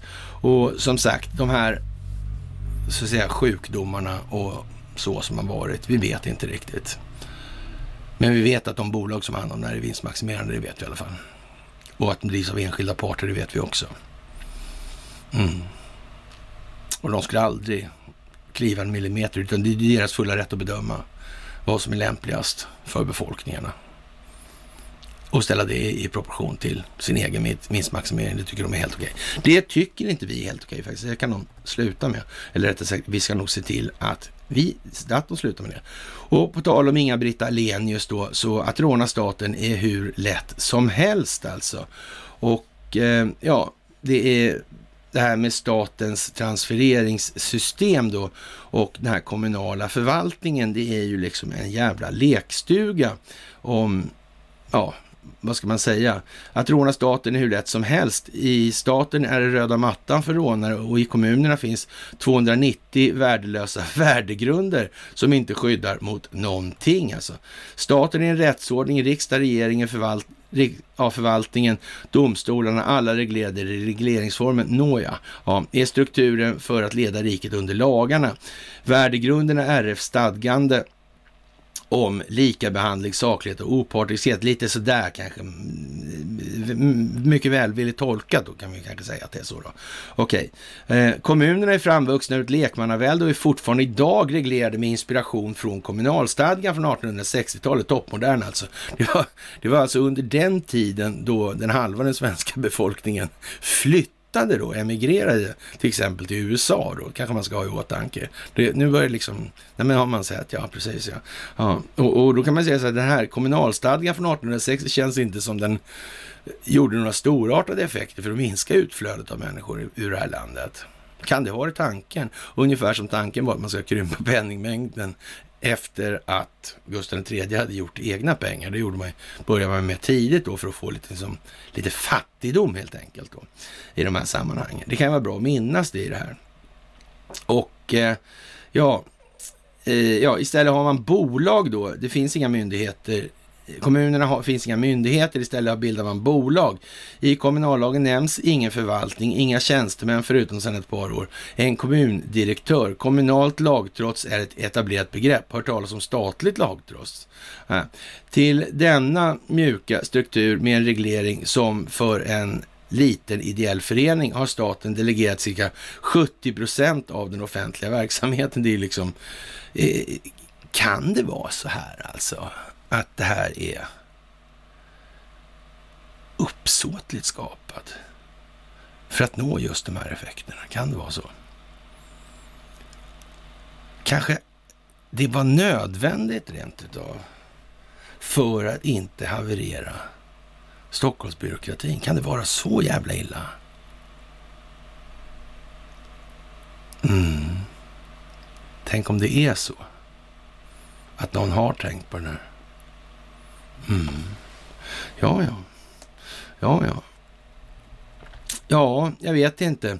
Från, eh, ja, Göteborg rapporteras nyligen om hur staden sedan lång tid infiltreras av kriminella nätverk, maffialiknande krafter som driver sina egna intressen och trakasserar och hotar personalen, de anställda intressen. Skakande läsning skrev jag för dem. Det här skrev jag om för några veckor sedan. Eh, eller Inga-Britt Ahlenius alltså. En utredning inom, som Akademikerförbundet SSR, gjort i hela Sverige pekar mot att Göteborg ingalunda är ensamt med de här problemen alltså. Och eh, ja, det är som det är helt enkelt. Det handlar om svenska rättssystemet. Det är skit på kommunal nivå också givetvis. Vi kan inte ha det på det här viset alls. Det har gått i vägs ände. Vi kommer inte längre med det här. Och införandet av någon jävla larvig öppen diktatur, det är ju liksom inte aktuellt. Man, man, hej och hå liksom. Nej, det går inte. Det går inte. Det tåget har gått för länge sedan. För länge, länge, länge, länge sedan. Och eh, ja, det är ju tragiskt att se, men det är icke desto mindre den verklighet vi har att leva i. Och eh, SD utanför Le Pens och Orbans supergrupp skriver Svenska Dagbladet. Ja, när det gäller det här med SD och AFS, precis som vi börjar med den här jävla lekstugan med att inte kritisera Investor och så vidare. Och, och sen sitta då och, och internt då och påstå att det, man, man tycker inte så mycket om dem där, kanske lite grann. och, och ja, och, och sen säga att man inte vill då eh, kritisera mig öppet då för, för, man vet om att vi har haft de diskussionerna och, och öppet också så jag vet att det finns 10 miljoner eller finns mm, eh, säkert tusen skärmdumpar på när man har sagt att man tycker Investor är, är liksom bra och gör bra för Sverige. Nej, men det här är ju liksom, det är störtlöjligt. Det är ta mig fan störtlöjligt. Ja, och om ingen har fattat det ännu så får ni väl tänka till en stund till då på det. Det visar sig i alla fall vem som gör vad och varför med tiden. Jaha, och eh, Ryssland säger sig ha gripit tre ukrainska spioner varav en då påstås ha förberett ter terrordåd och uppgifterna kommer i, ja, vad ska man säga? Uppgifterna kommer från federala säkerhetstjänsten FSB. Ja, två av gripas samlade in information om strategiska faciliteter, skriver nyhetsbyrån Interfax. Den tredje påstås ha planerat ett bombdåd. Och eh, ja, vad ska vi säga egentligen? De händer just nu med de här representanterna i Sverige, i Stockholm och Arlanda. Det är väl konstigt, är det inte det? Mm. Men det hänger inte ihop. det gör det inte. Det handlar visserligen om samma entiteter hela tiden, men nej, det hänger inte ihop. Vi säger väl det då, faktiskt. Jaha, och eh, ja, det drar in oväder och eh, flera elbilar stod övergivna längs E6. Jag vet inte om vi ska chattra så mycket om det där. Det är väl många som tycker det är intressant sådär. Det, ja, det vart ju 600 likes på den direkt alltså, så det, jag vet inte. Det där kan vi ju, ja, tralala liksom. Man måste tänka efter alltså, de här jävla elbilarna, de laddas ju med någonting då, elektricitet alltså. Den här jävla elektriciteten, den görs någonstans också. Och, och, där finns det då liksom ett tillvägagångssätt för att skapa den elektriciteten. Och inte till någon ringa omfattning så är det faktiskt så att det är till exempel kol och, eller kolväten då som eldas för att flytta på vatten som i sin tur driver en turbin och så vidare, så vidare, så vidare, så vidare. Mm. Så den där elen i elbilen, den är ju liksom, ja, den släpar liksom med sig någonting i bagaget som inte syns. Det är liksom en elefant i sammanhanget. Mm. Är det skitbra? Och vindkraft är ju vad det är, det tror jag de flesta börjar förstå. Alltså. Jaha, som sagt, och eh, våra gamla rötter i historien. Och eh, ja, vi har delat en här och det finns någon järnlady då för jätte, jättelänge sedan som har en viss inverkan på vikingaverksamheten och så vidare. Och de här vikingarna kommer vi aldrig bli av med. Inte en möjlighet att den är, så att säga, vikingahistorien är, är då främst beskriven av Franske Bengtsson i svensk litteratur och det som har satt den största befolkningsmässiga prägen. Det kan man nog inte se som någon utpräglad slump i vart fall. Möjligen en slump, men inte utpräglad. Nej, skämt åsido, det kan man inte göra. Jaha, klimatförändringar är inte svältbov på Madagaskar. Ja, verkligen viktigt att inte anta. Tidigare år sa FN att den två år långa torkan på Madagaskar hade orsakats av klimatförändringar. Nu har en forskargrupp kommit fram till motsatsen. Det, det, låter ju inte alls bra det här alltså. Det verkar ju gå sten, stick i stäv alltså med vad man har sagt tidigare. Den allvarliga svältkatastrofen beror på fattigdom, dålig infrastruktur och regnberoende jordbruk menar de. Jaha. Se där ja. Den här klimatkulissen verkar också vara lite sådär äh, klassens strykpojke numera. Jaha, EU bötfäller alltså storbanker för kartell inom valutahandeln, alltså FX-marknaden. Och det är ju då HSBC och gäng Credit Suisse och de här vanliga. Och, och, och Barclays och RBS och så, Royal Bank of Scotland. Och eh, ja, 3,5 miljarder spänn fick de i, i böter för det här, men det är naturligtvis bara nålpengar i sammanhanget. Det är växelpengar i de här sammanhangen. Men vad händer sen då? Händer det något mer? Nej, det gör det inte. Det gör ju inte det. Och varför inte då? då? Nej, just det. Varför inte då? då? Verkar som det finns krafter som inte vill det helt enkelt. Då. Ja, eftersom det inte händer. Vad kan det vara för krafter då? Är det befolkningarna? Det tror jag inte. Det tror jag inte. Nej, faktiskt. Ja, det börjar bli dråpligt alltså. Jordens största marknad och de dömer det här och det bara blir av det här. Det blir ingenting. Det bidde ingenting helt enkelt. Jaha. Och eh, ja, det kommer att bli bra.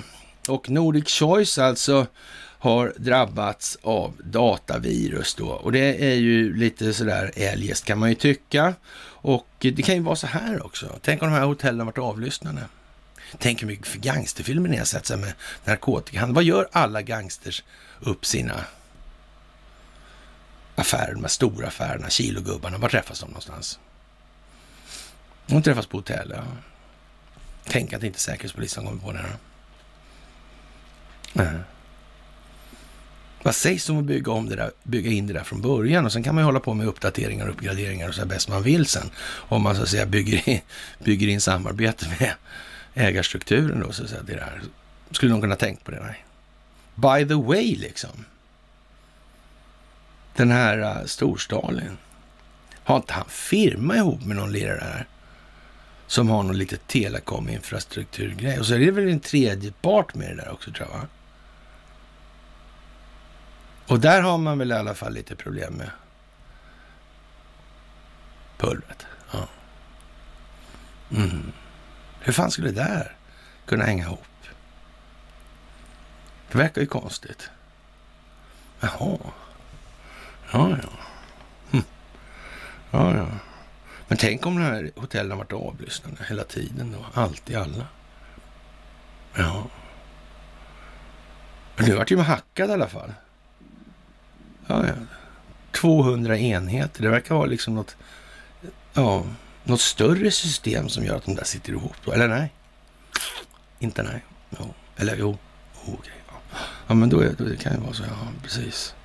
Det är ju lite speciellt får man väl säga. Va? Eller? Jo. Faktiskt.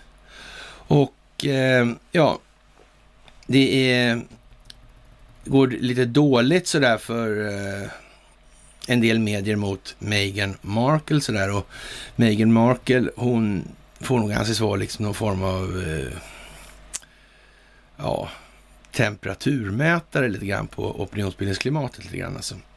Och som sagt, datavirus i Stordalens hotellkedja, 200 drabbade i fem länder. Det, man kan väl säga så här att det, det är lite piluttar då naturligtvis på Storstaden och, som har samarbete med flera intressanta konstellationer i mindre uppmärksammade perspektiv. Säger vi då lite inlindat för att inte vara för tydliga så ni får tänka lite. 200 hotell i fem länder har drabbats emellertid nu då.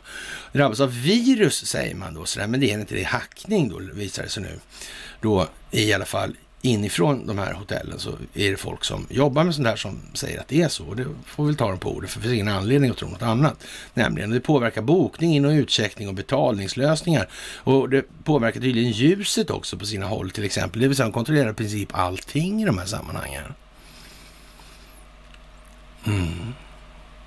Jo, men han måste ju kunna säga till de här lirarna som håller på med den här typen av systemetableringar eh, i 184 länder att fan, gör vi lite strul här. Eller det kanske redan har gjort det.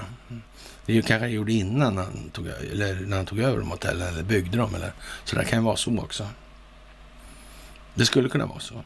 För det, egentligen kan man väl säga så här att eh, och om vi tar den här herr Jakob Wallenberg så, så, får vi, vi kan säga så här, han ingår i den kategorin där, som då den kinesiska staten säger den senaste tidens tråkigheter beror på att ett fåtal svenskar på ett brutalt vis lägger sig i Kinas inre angelägenheter. Där känner jag igen då. Så men, men det är ju en nivå liksom. Det är ju eh, inte bara två led ner, eller vad man säger, tre våningar ner, så, som man finner då liksom Peter Stordalen vid Malkovax. Det, det, det är några våningar längre ner om man säger så. Hur fan kommer det där sig då?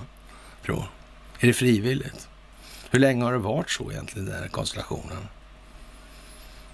Skulle den kunna ha varit, eh, ja, påbjuden rent utav? Kan det vara ett litet påbud från någon som har ett vasst halsband och tillhandahålla?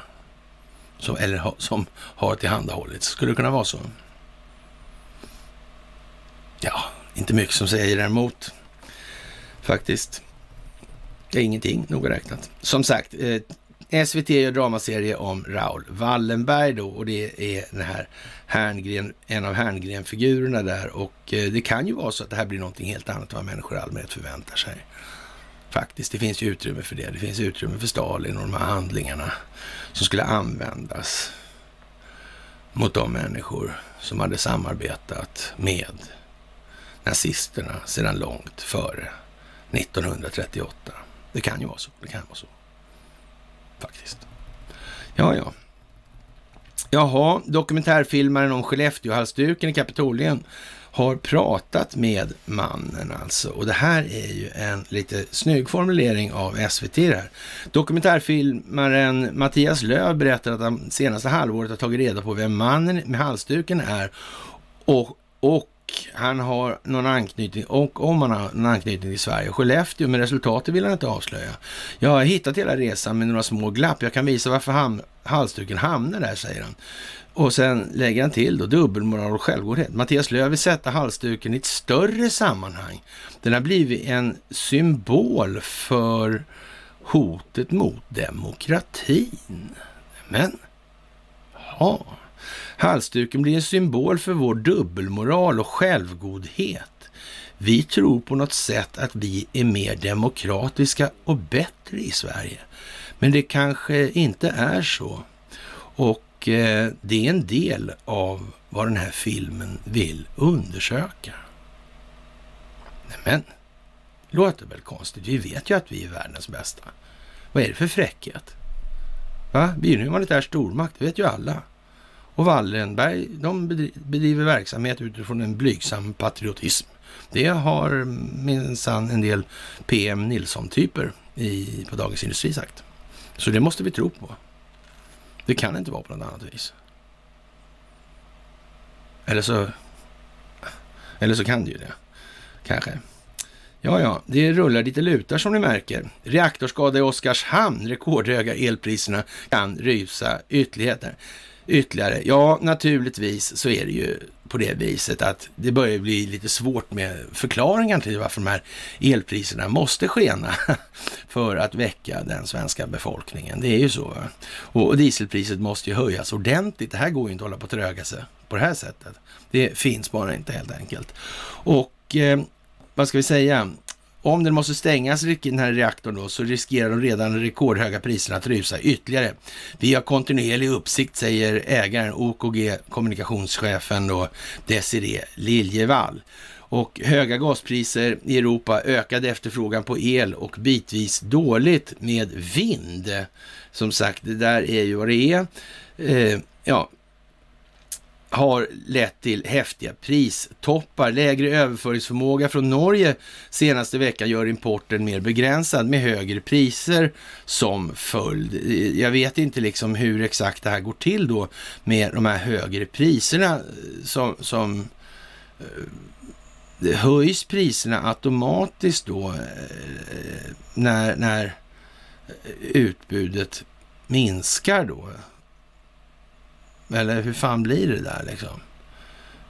Sitter man och använder det som hävstång då för att hålla balans i systemet? Vid överproduktion, det är bara att höja priset då så... Det, det är inte så att den måste produceras innan den används eller så, nej. Nej. Nej, nej, jag vet inte. Det är konstigt det där alltså. Jaha, Eh, det är den största elproduktionsenheten vi har i Sverige och en eventuell nedstängning av reaktorn skulle dessutom påverka flödena till det sämre i ett redan ansträngt läge. Alltså det skulle vara en smäll för elleveranserna söderut, säger Christian Holst, analytiker på energikonsulten Merlin och Metis. Ja, nu ska vi inte dra några på den då, men i alla fall. Och ja, så vad ska vi säga? Eh, man flaggar upp för att det finns en risk, säger han och konstaterar även att Svenska kraftnät uppmärksammar detta. Ingen rök utan eld, säger han dock. Då. Mm. Ja, vad ska vi säga? Det är ju bara som det är nu alltså. Det är bra med Ernstberger då, säger hans advokat och Högsta domstolen har beslutat att eh, ja, Pensionsmyndigheten ska, och Riksåklagaren ska ta ställning i frågan om prövningstillstånd i det här och svara på, skriftligt svara på överklagande här. Och eh, som sagt, det handlar om det svenska rättssystemet och nu duckas det på allt fler håll. Och det kommer bli ett jävla duckande vad det lider här framgent. Det är bara så. Och de här jävla hjältarna som har låtit det här förfalla så långt som det har gått. Ja, ett varmt lycka till från oss till er alla. Det blir en riktigt god jul tror vi. Jaha, och eh, vad ska vi säga? Ljuset försvann och han tänkte inte dansa. Lights go out och eh, mörkt i rummet blev det då. Ja, det är ju liksom som det är när det händer Sergej Lavrov i de här sammanhangen. Men det är en slump, naturligtvis. Och det är inte alls för att folk ska uppmärksamma det. Nej. Och vilka är det som kontrollerar kraftförsörjningen? Om det inte är så att de kontrollerar en massa andra grejer också, ja, då är det som det är. Frågan om advokaters lojalitetsplikt provas nu i skarpt läge i dagens juridik och då kan vi väl säga att det handlar om det svenska rättssystemet och det aktualiseras nu med frågan om advokater och i förekommande fall även rådmän som gör upp bakom ryggen på parter i målet här. Och det är ju ett jävla ofog naturligtvis och det handlar om det svenska rättssystemet och det är liksom ingen diskussion om. Det är inte rätt i en enda. Eller i ett enda perspektiv, alltså det är ur ett enda perspektiv. Det är ju helt otroligt egentligen, alltså hur det har kunnat bli så här. Men, men, det är som sagt. Nordea stänger av alla analytiker efter vaccinkritik. Det kan man ju tycka är lite larvigt faktiskt och det är helt oseriöst. Så det är inte så mycket annat. Och protester ja, i Ukraina kräver då att Zelensky ska avgå. Efter att det skulle vara en kupp där då. Och vad ska de göra de stackarna? En stackars flicka göra helt enkelt. Och eh, förra veckan meddelade Zelensky att han avslöjade en kompott, komplott mot, eller för att störta honom och hans regering den första december då. Det är samma dag som det här mötet börjar om Ukraina här i Sverige då. Han hävdade att komplotten involverade en av Ukrainas rikaste affärsmän, Rinad Achmetov eller Akhmedov, och han skickade Ukrainas säkerhetstjänst SBU för att utreda en potentiell konspiration mellan Akhmedov och vissa medborgare i Ryssland inom citationstecken. Och eh, ja, det håller på att trappas upp i det här och det kommer att bli otroligt spännande de närmsta dagarna. Och arkeologerna har gjort fynd från Nefertitis tid och det är jättebra med tid, lång tid alltså och det stämmer inte med vår historieskrivning. Det här kommer ju komma tillbaka hela tiden, hela tiden, hela tiden och beroende på att vi har fått så mycket fel i vår beskrivning av det här. Jaha, och G20 säger att det här är kollapsrisk helt enkelt och Blinken säger att det är upp till Ryssland att trappa ner konflikten i Ukraina då. Och USA står fast vid sitt stöd för Ukrainas suveränitet och oberoende, det säger den amerikanska utrikesministern Anthony Blinken på en presskonferens igår då. då där han bland annat träffat Rysslands utrikesminister Lavrov. Han säger vidare att USA vill se en diplomatisk lösning på det Blinken kallar en potentiell kris och det ryska agerandet liknar den som föregick annekteringen av Krim alltså. Och enligt Blinken då ligger det på Ryssland nu att trappa ner konflikten, dra tillbaka sina styrkor från gränsen och återställa mera normalläge då, medan då Ryssland får finna sig i att USA, ja, gör vad de gör då. Och, det här är ju bortom löjeväckande naturligtvis. Och den här optiken måste till för att människor ska reagera. Det här är koordinerat, givetvis, och ingenting annat. Så, ja, Just nu står SJ tågtrafik still mellan Malmö och Göteborg. Det här, till en följd, det här är av, till en följd av att 600 meter koppartråd blev stulen i Helsingborg. Alltså det är fantastiskt naturligtvis. Vi tog upp det i början och det är väl ett litet tecken på att vi har börjat komma varvet runt då. Och eh, en jag ska säga, beväpnad man, en enda alltså, beväpnad man lyckades stänga hela FNs ja, huvudkontor då i New York. Och eh, ja, vad ska man säga, det var också samtidigt. Är det konstigt? Vad mycket det händer samtidigt nu. Parallellt alltså. Väldigt märkligt. Och man, vi vet ju att de här sakerna hänger ihop. Där var han Jan Eliasson tidigare också förresten. Det där FN är det, ja. Ja, ja, då kanske vi säga något. Tidsanpassad värre skrev som kommentar på det. Österrikes förbundskansler avgår. Han tillträdde i oktober. Och det är ju lite sådär kanske hastigt och lustigt. Men eh, ja, vem vet, det kanske är dags för det nu helt enkelt. Så de blir bara färre de här. Av någon anledning. Avgår de inte själva så kommer det hända andra saker. Det är bara så helt enkelt. Ja, Bidens vaccinkrav kan stänga USAs statsapparat. Tyvärr verkar det som att republikansk dysfunktionalitet kan bli ett hinder i vägen för att undvika att statsapparaten stängs ner, säger senatens majoritetsledare Chuck Schumer. Ja, vem vet? Det kan ju gå så långt också. Det är mycket nu, helt enkelt. Ja, Frankrike avfärdar förslag om gemensam bevakning och eh, ja, enligt Castex då som är minister i de här sammanhangen för fransk sida då, så ligger en stor del av lösningen i brittiska händer. Han vill bland annat att Storbritannien ska göra sig mindre attraktivt för migranter genom att exempelvis kontrollera svartjobb hårdare, skriver Blomberg. Castex bemöttes inte direkt i ett annat kontroversiellt brittiskt förslag, nämligen att alla migranter som tar sig över kanalen ska skickas tillbaka till Frankrike. Jaha, ja du ser, nu börjar det bli trista grejer här alltså. Och Gaddafis son får ställa upp i presidentvalet och det kan man ju tycka är lämpligt faktiskt också i det här. Och svensk roll i Libyen-insatsen kommer att komma upp i ljuset av verkligheten. Tro för fan ingenting annat än det alltså. De flesta har fattat det. Efter mötet i Stockholm, Putin och Biden kommer att höras av och eh, ja, det är det gamla vanliga tuggandet här. Man måste ju bullra upp lite grann för teaterns skull för att hålla folk på tå i de här sammanhangen. Den amerikanska presidenten Joe Biden och hans ryska kollega Vladimir Putin kommer sannolikt att prata med varandra någon gång i en nära framtid angående situationen vid Ukrainas gräns, skriver The Guardian, som inte ska litas på alls.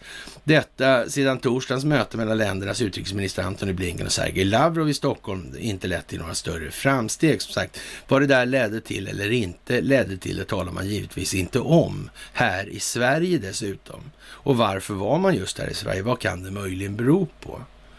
Ja, vad har alla de för gemensamma nämnare? Ja, de har samma gemensamma nämnare i form av vem som kontrollerar telekominfrastrukturen i alla fall. Så mycket är helt obestridligt. Ja, och sen kan vi ju börja prata om kraftförsörjning och såna grejer också, men det spelar väl ingen roll då. Hisingsbrons mätsystem larmar och eh, ja, är det Tacoma Bridge-varning på det där kanske? Jag vet inte, men det visar sig nog med tiden.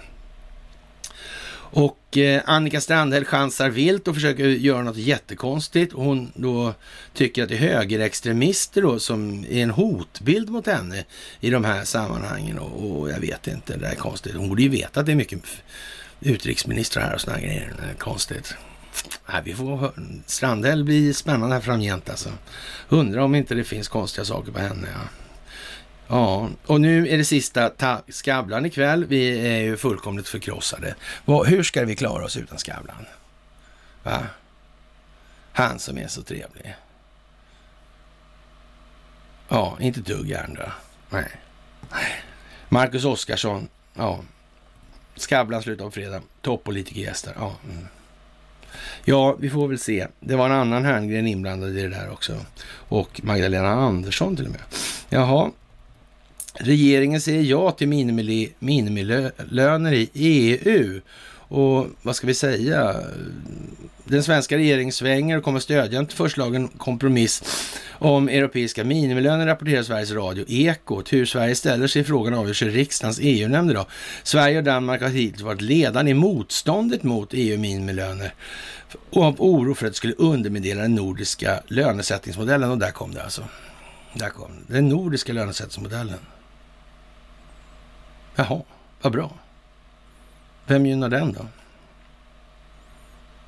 Vem gynnar den här, de här regeringarna som håller på så? Vem, vems ärenden går de egentligen nu? Eller har gjort tidigare? Hur kan det komma sig? Det kan man fråga sig, va? verkligen. Mm. Det är ju som det är det här med. Det är som det är med klimatutvecklingen och eh, ja, nu eh, kommer det bli bara regn och elände på Arktis i alla fall under lång tid säger man. Nytt forskningsgäng då sådär. Men som sagt, antingen har de väl ett utredningsdirektiv med sig i ryggsäcken och så har de ju inte det. Och eh, den nya energiministern vill inte kalla kärnkraften för hållbar alltså. Eller den nya svenska regeringen vill inte klassa kärnkraft som en hållbar energikälla. Och vad, vad säger forskningen egentligen om det här? Är det inte dags att titta på det igen? Det verkar lite förlegat där som har varit. De här nya reaktorerna tycks åtminstone vara någonting annat än de tidigare. Så kan vi säga i alla fall. Ja, och eh, ja, Socialdemokraterna lät nya universitet godkänna sig självt då och jag vet inte vad vi ska säga. Det här är ju helt bedrövligt. Ja, man får vara försiktig med vad man önskar sig i de här sammanhangen. Vi kan ju tänka oss det här med planekonomi. Det fanns ett antal professorer, de eh, blev lite obsoleta när muren föll faktiskt. Att vad då? Att säga att de här akademierna inte har medverkat till att leda samhället i den riktning som har varit utvecklingsriktning och lett oss till den situation som vi nu befinner oss i. Det är väl kanske inte riktigt med sanningen helt i överensstämmande va? Nej, definitivt inte med verkligheten i vart fall. Mm. De har gjort vad de har kunnat för att vilseleda helt enkelt. Och är de så jävla dumma så de inte begriper det, ja då är det ju en tragedi va? och då är de inte särskilt lämpliga i alla fall ur det perspektivet. Så det är ju bara lite som det är nu i det här. Jaha, och Krav larmades om Smålands Grans bluff för flera år sedan. Och det är de här kravmärkta då helt enkelt. Och eh, ja, det är fullständigt bedrägeri. Även det där. Det är ungefär som maten och, och kravmärkta hej och sånt där. Det är alltid samma helt enkelt. Och Europadomstolen fällde Sveriges FRA-lag och nu ökar man, utökar man FRA-lagen i alla fall då. Det är konstigt. Men, och vad var det? Ja, och folket tycker att jaha, så. Men det är inte det det här handlar om. Det handlar om att få effekter. Det handlar om att folk ska reagera, agera i det här. Och eh, det blir lite knöligt för Investor när det gäller Sobi och det faller och det kommer inte bli bättre för Investor framgent i och med det. Och Ukraina påstår att en rysk officer eller offensiv kan komma i slutet av januari. Och det låter ju fantastiskt trevligt. Men jag tror vi får vara försiktiga med våra, så att säga, prediktioner så långt fram i tiden. Det är rätt lång tid till fram i januari och som ni märker nu på det här myset till exempel så händer det rätt mycket grejer och det är otroligt så att säga väl avvägt i sekvenserna mellan olika perspektiv i det här. Så nu är det liksom, det är rätt så bred front och så bromsar man andra. Nu har man ju bromsat utvecklingen vad gäller valfusket till exempel. Man har bromsat utvecklingen vad det gäller informationsflödena kring, kring Durham och de här åtalen. Och sen kommer man samla ihop det här då. Då, då blir det liksom som ett, ja, ett anfall med indirekt eld. Alltså. Det är liksom ett samtidigt eldöppnande. Alltså som gäller. Det är ju med alla, eldöverfall i och för sig. Så där, men om man eh, säger man skjuter inga provlag innan då, om man säger så, så det heter så när man ja, provskjuter en granat sådär. Liksom. Så, eller kanske tre till och med. Eller sådär. Ja, men som sagt, Donald Trump, han sa det så fint. Alltså, han skulle över, införa överraskningsmomentet igen som i de militära doktrinerna. Säger otroligt mycket det uttrycket faktiskt. Han vet vad han gör. Ni är fantastiska. Det är otroligt roligt att få vara med och göra det här tillsammans med er. Och eh, med det så får jag väl önska härskapet en trevlig helg och om det inte blåser ur för jävla mycket nu under ja, närmsta dygnet så hörs vi igen på måndag. Och som sagt, ni är världens bästa internetpublik. All time high. Jag är så glad att få vara med om det här. Med det så önskar jag er en väldigt trevlig helg.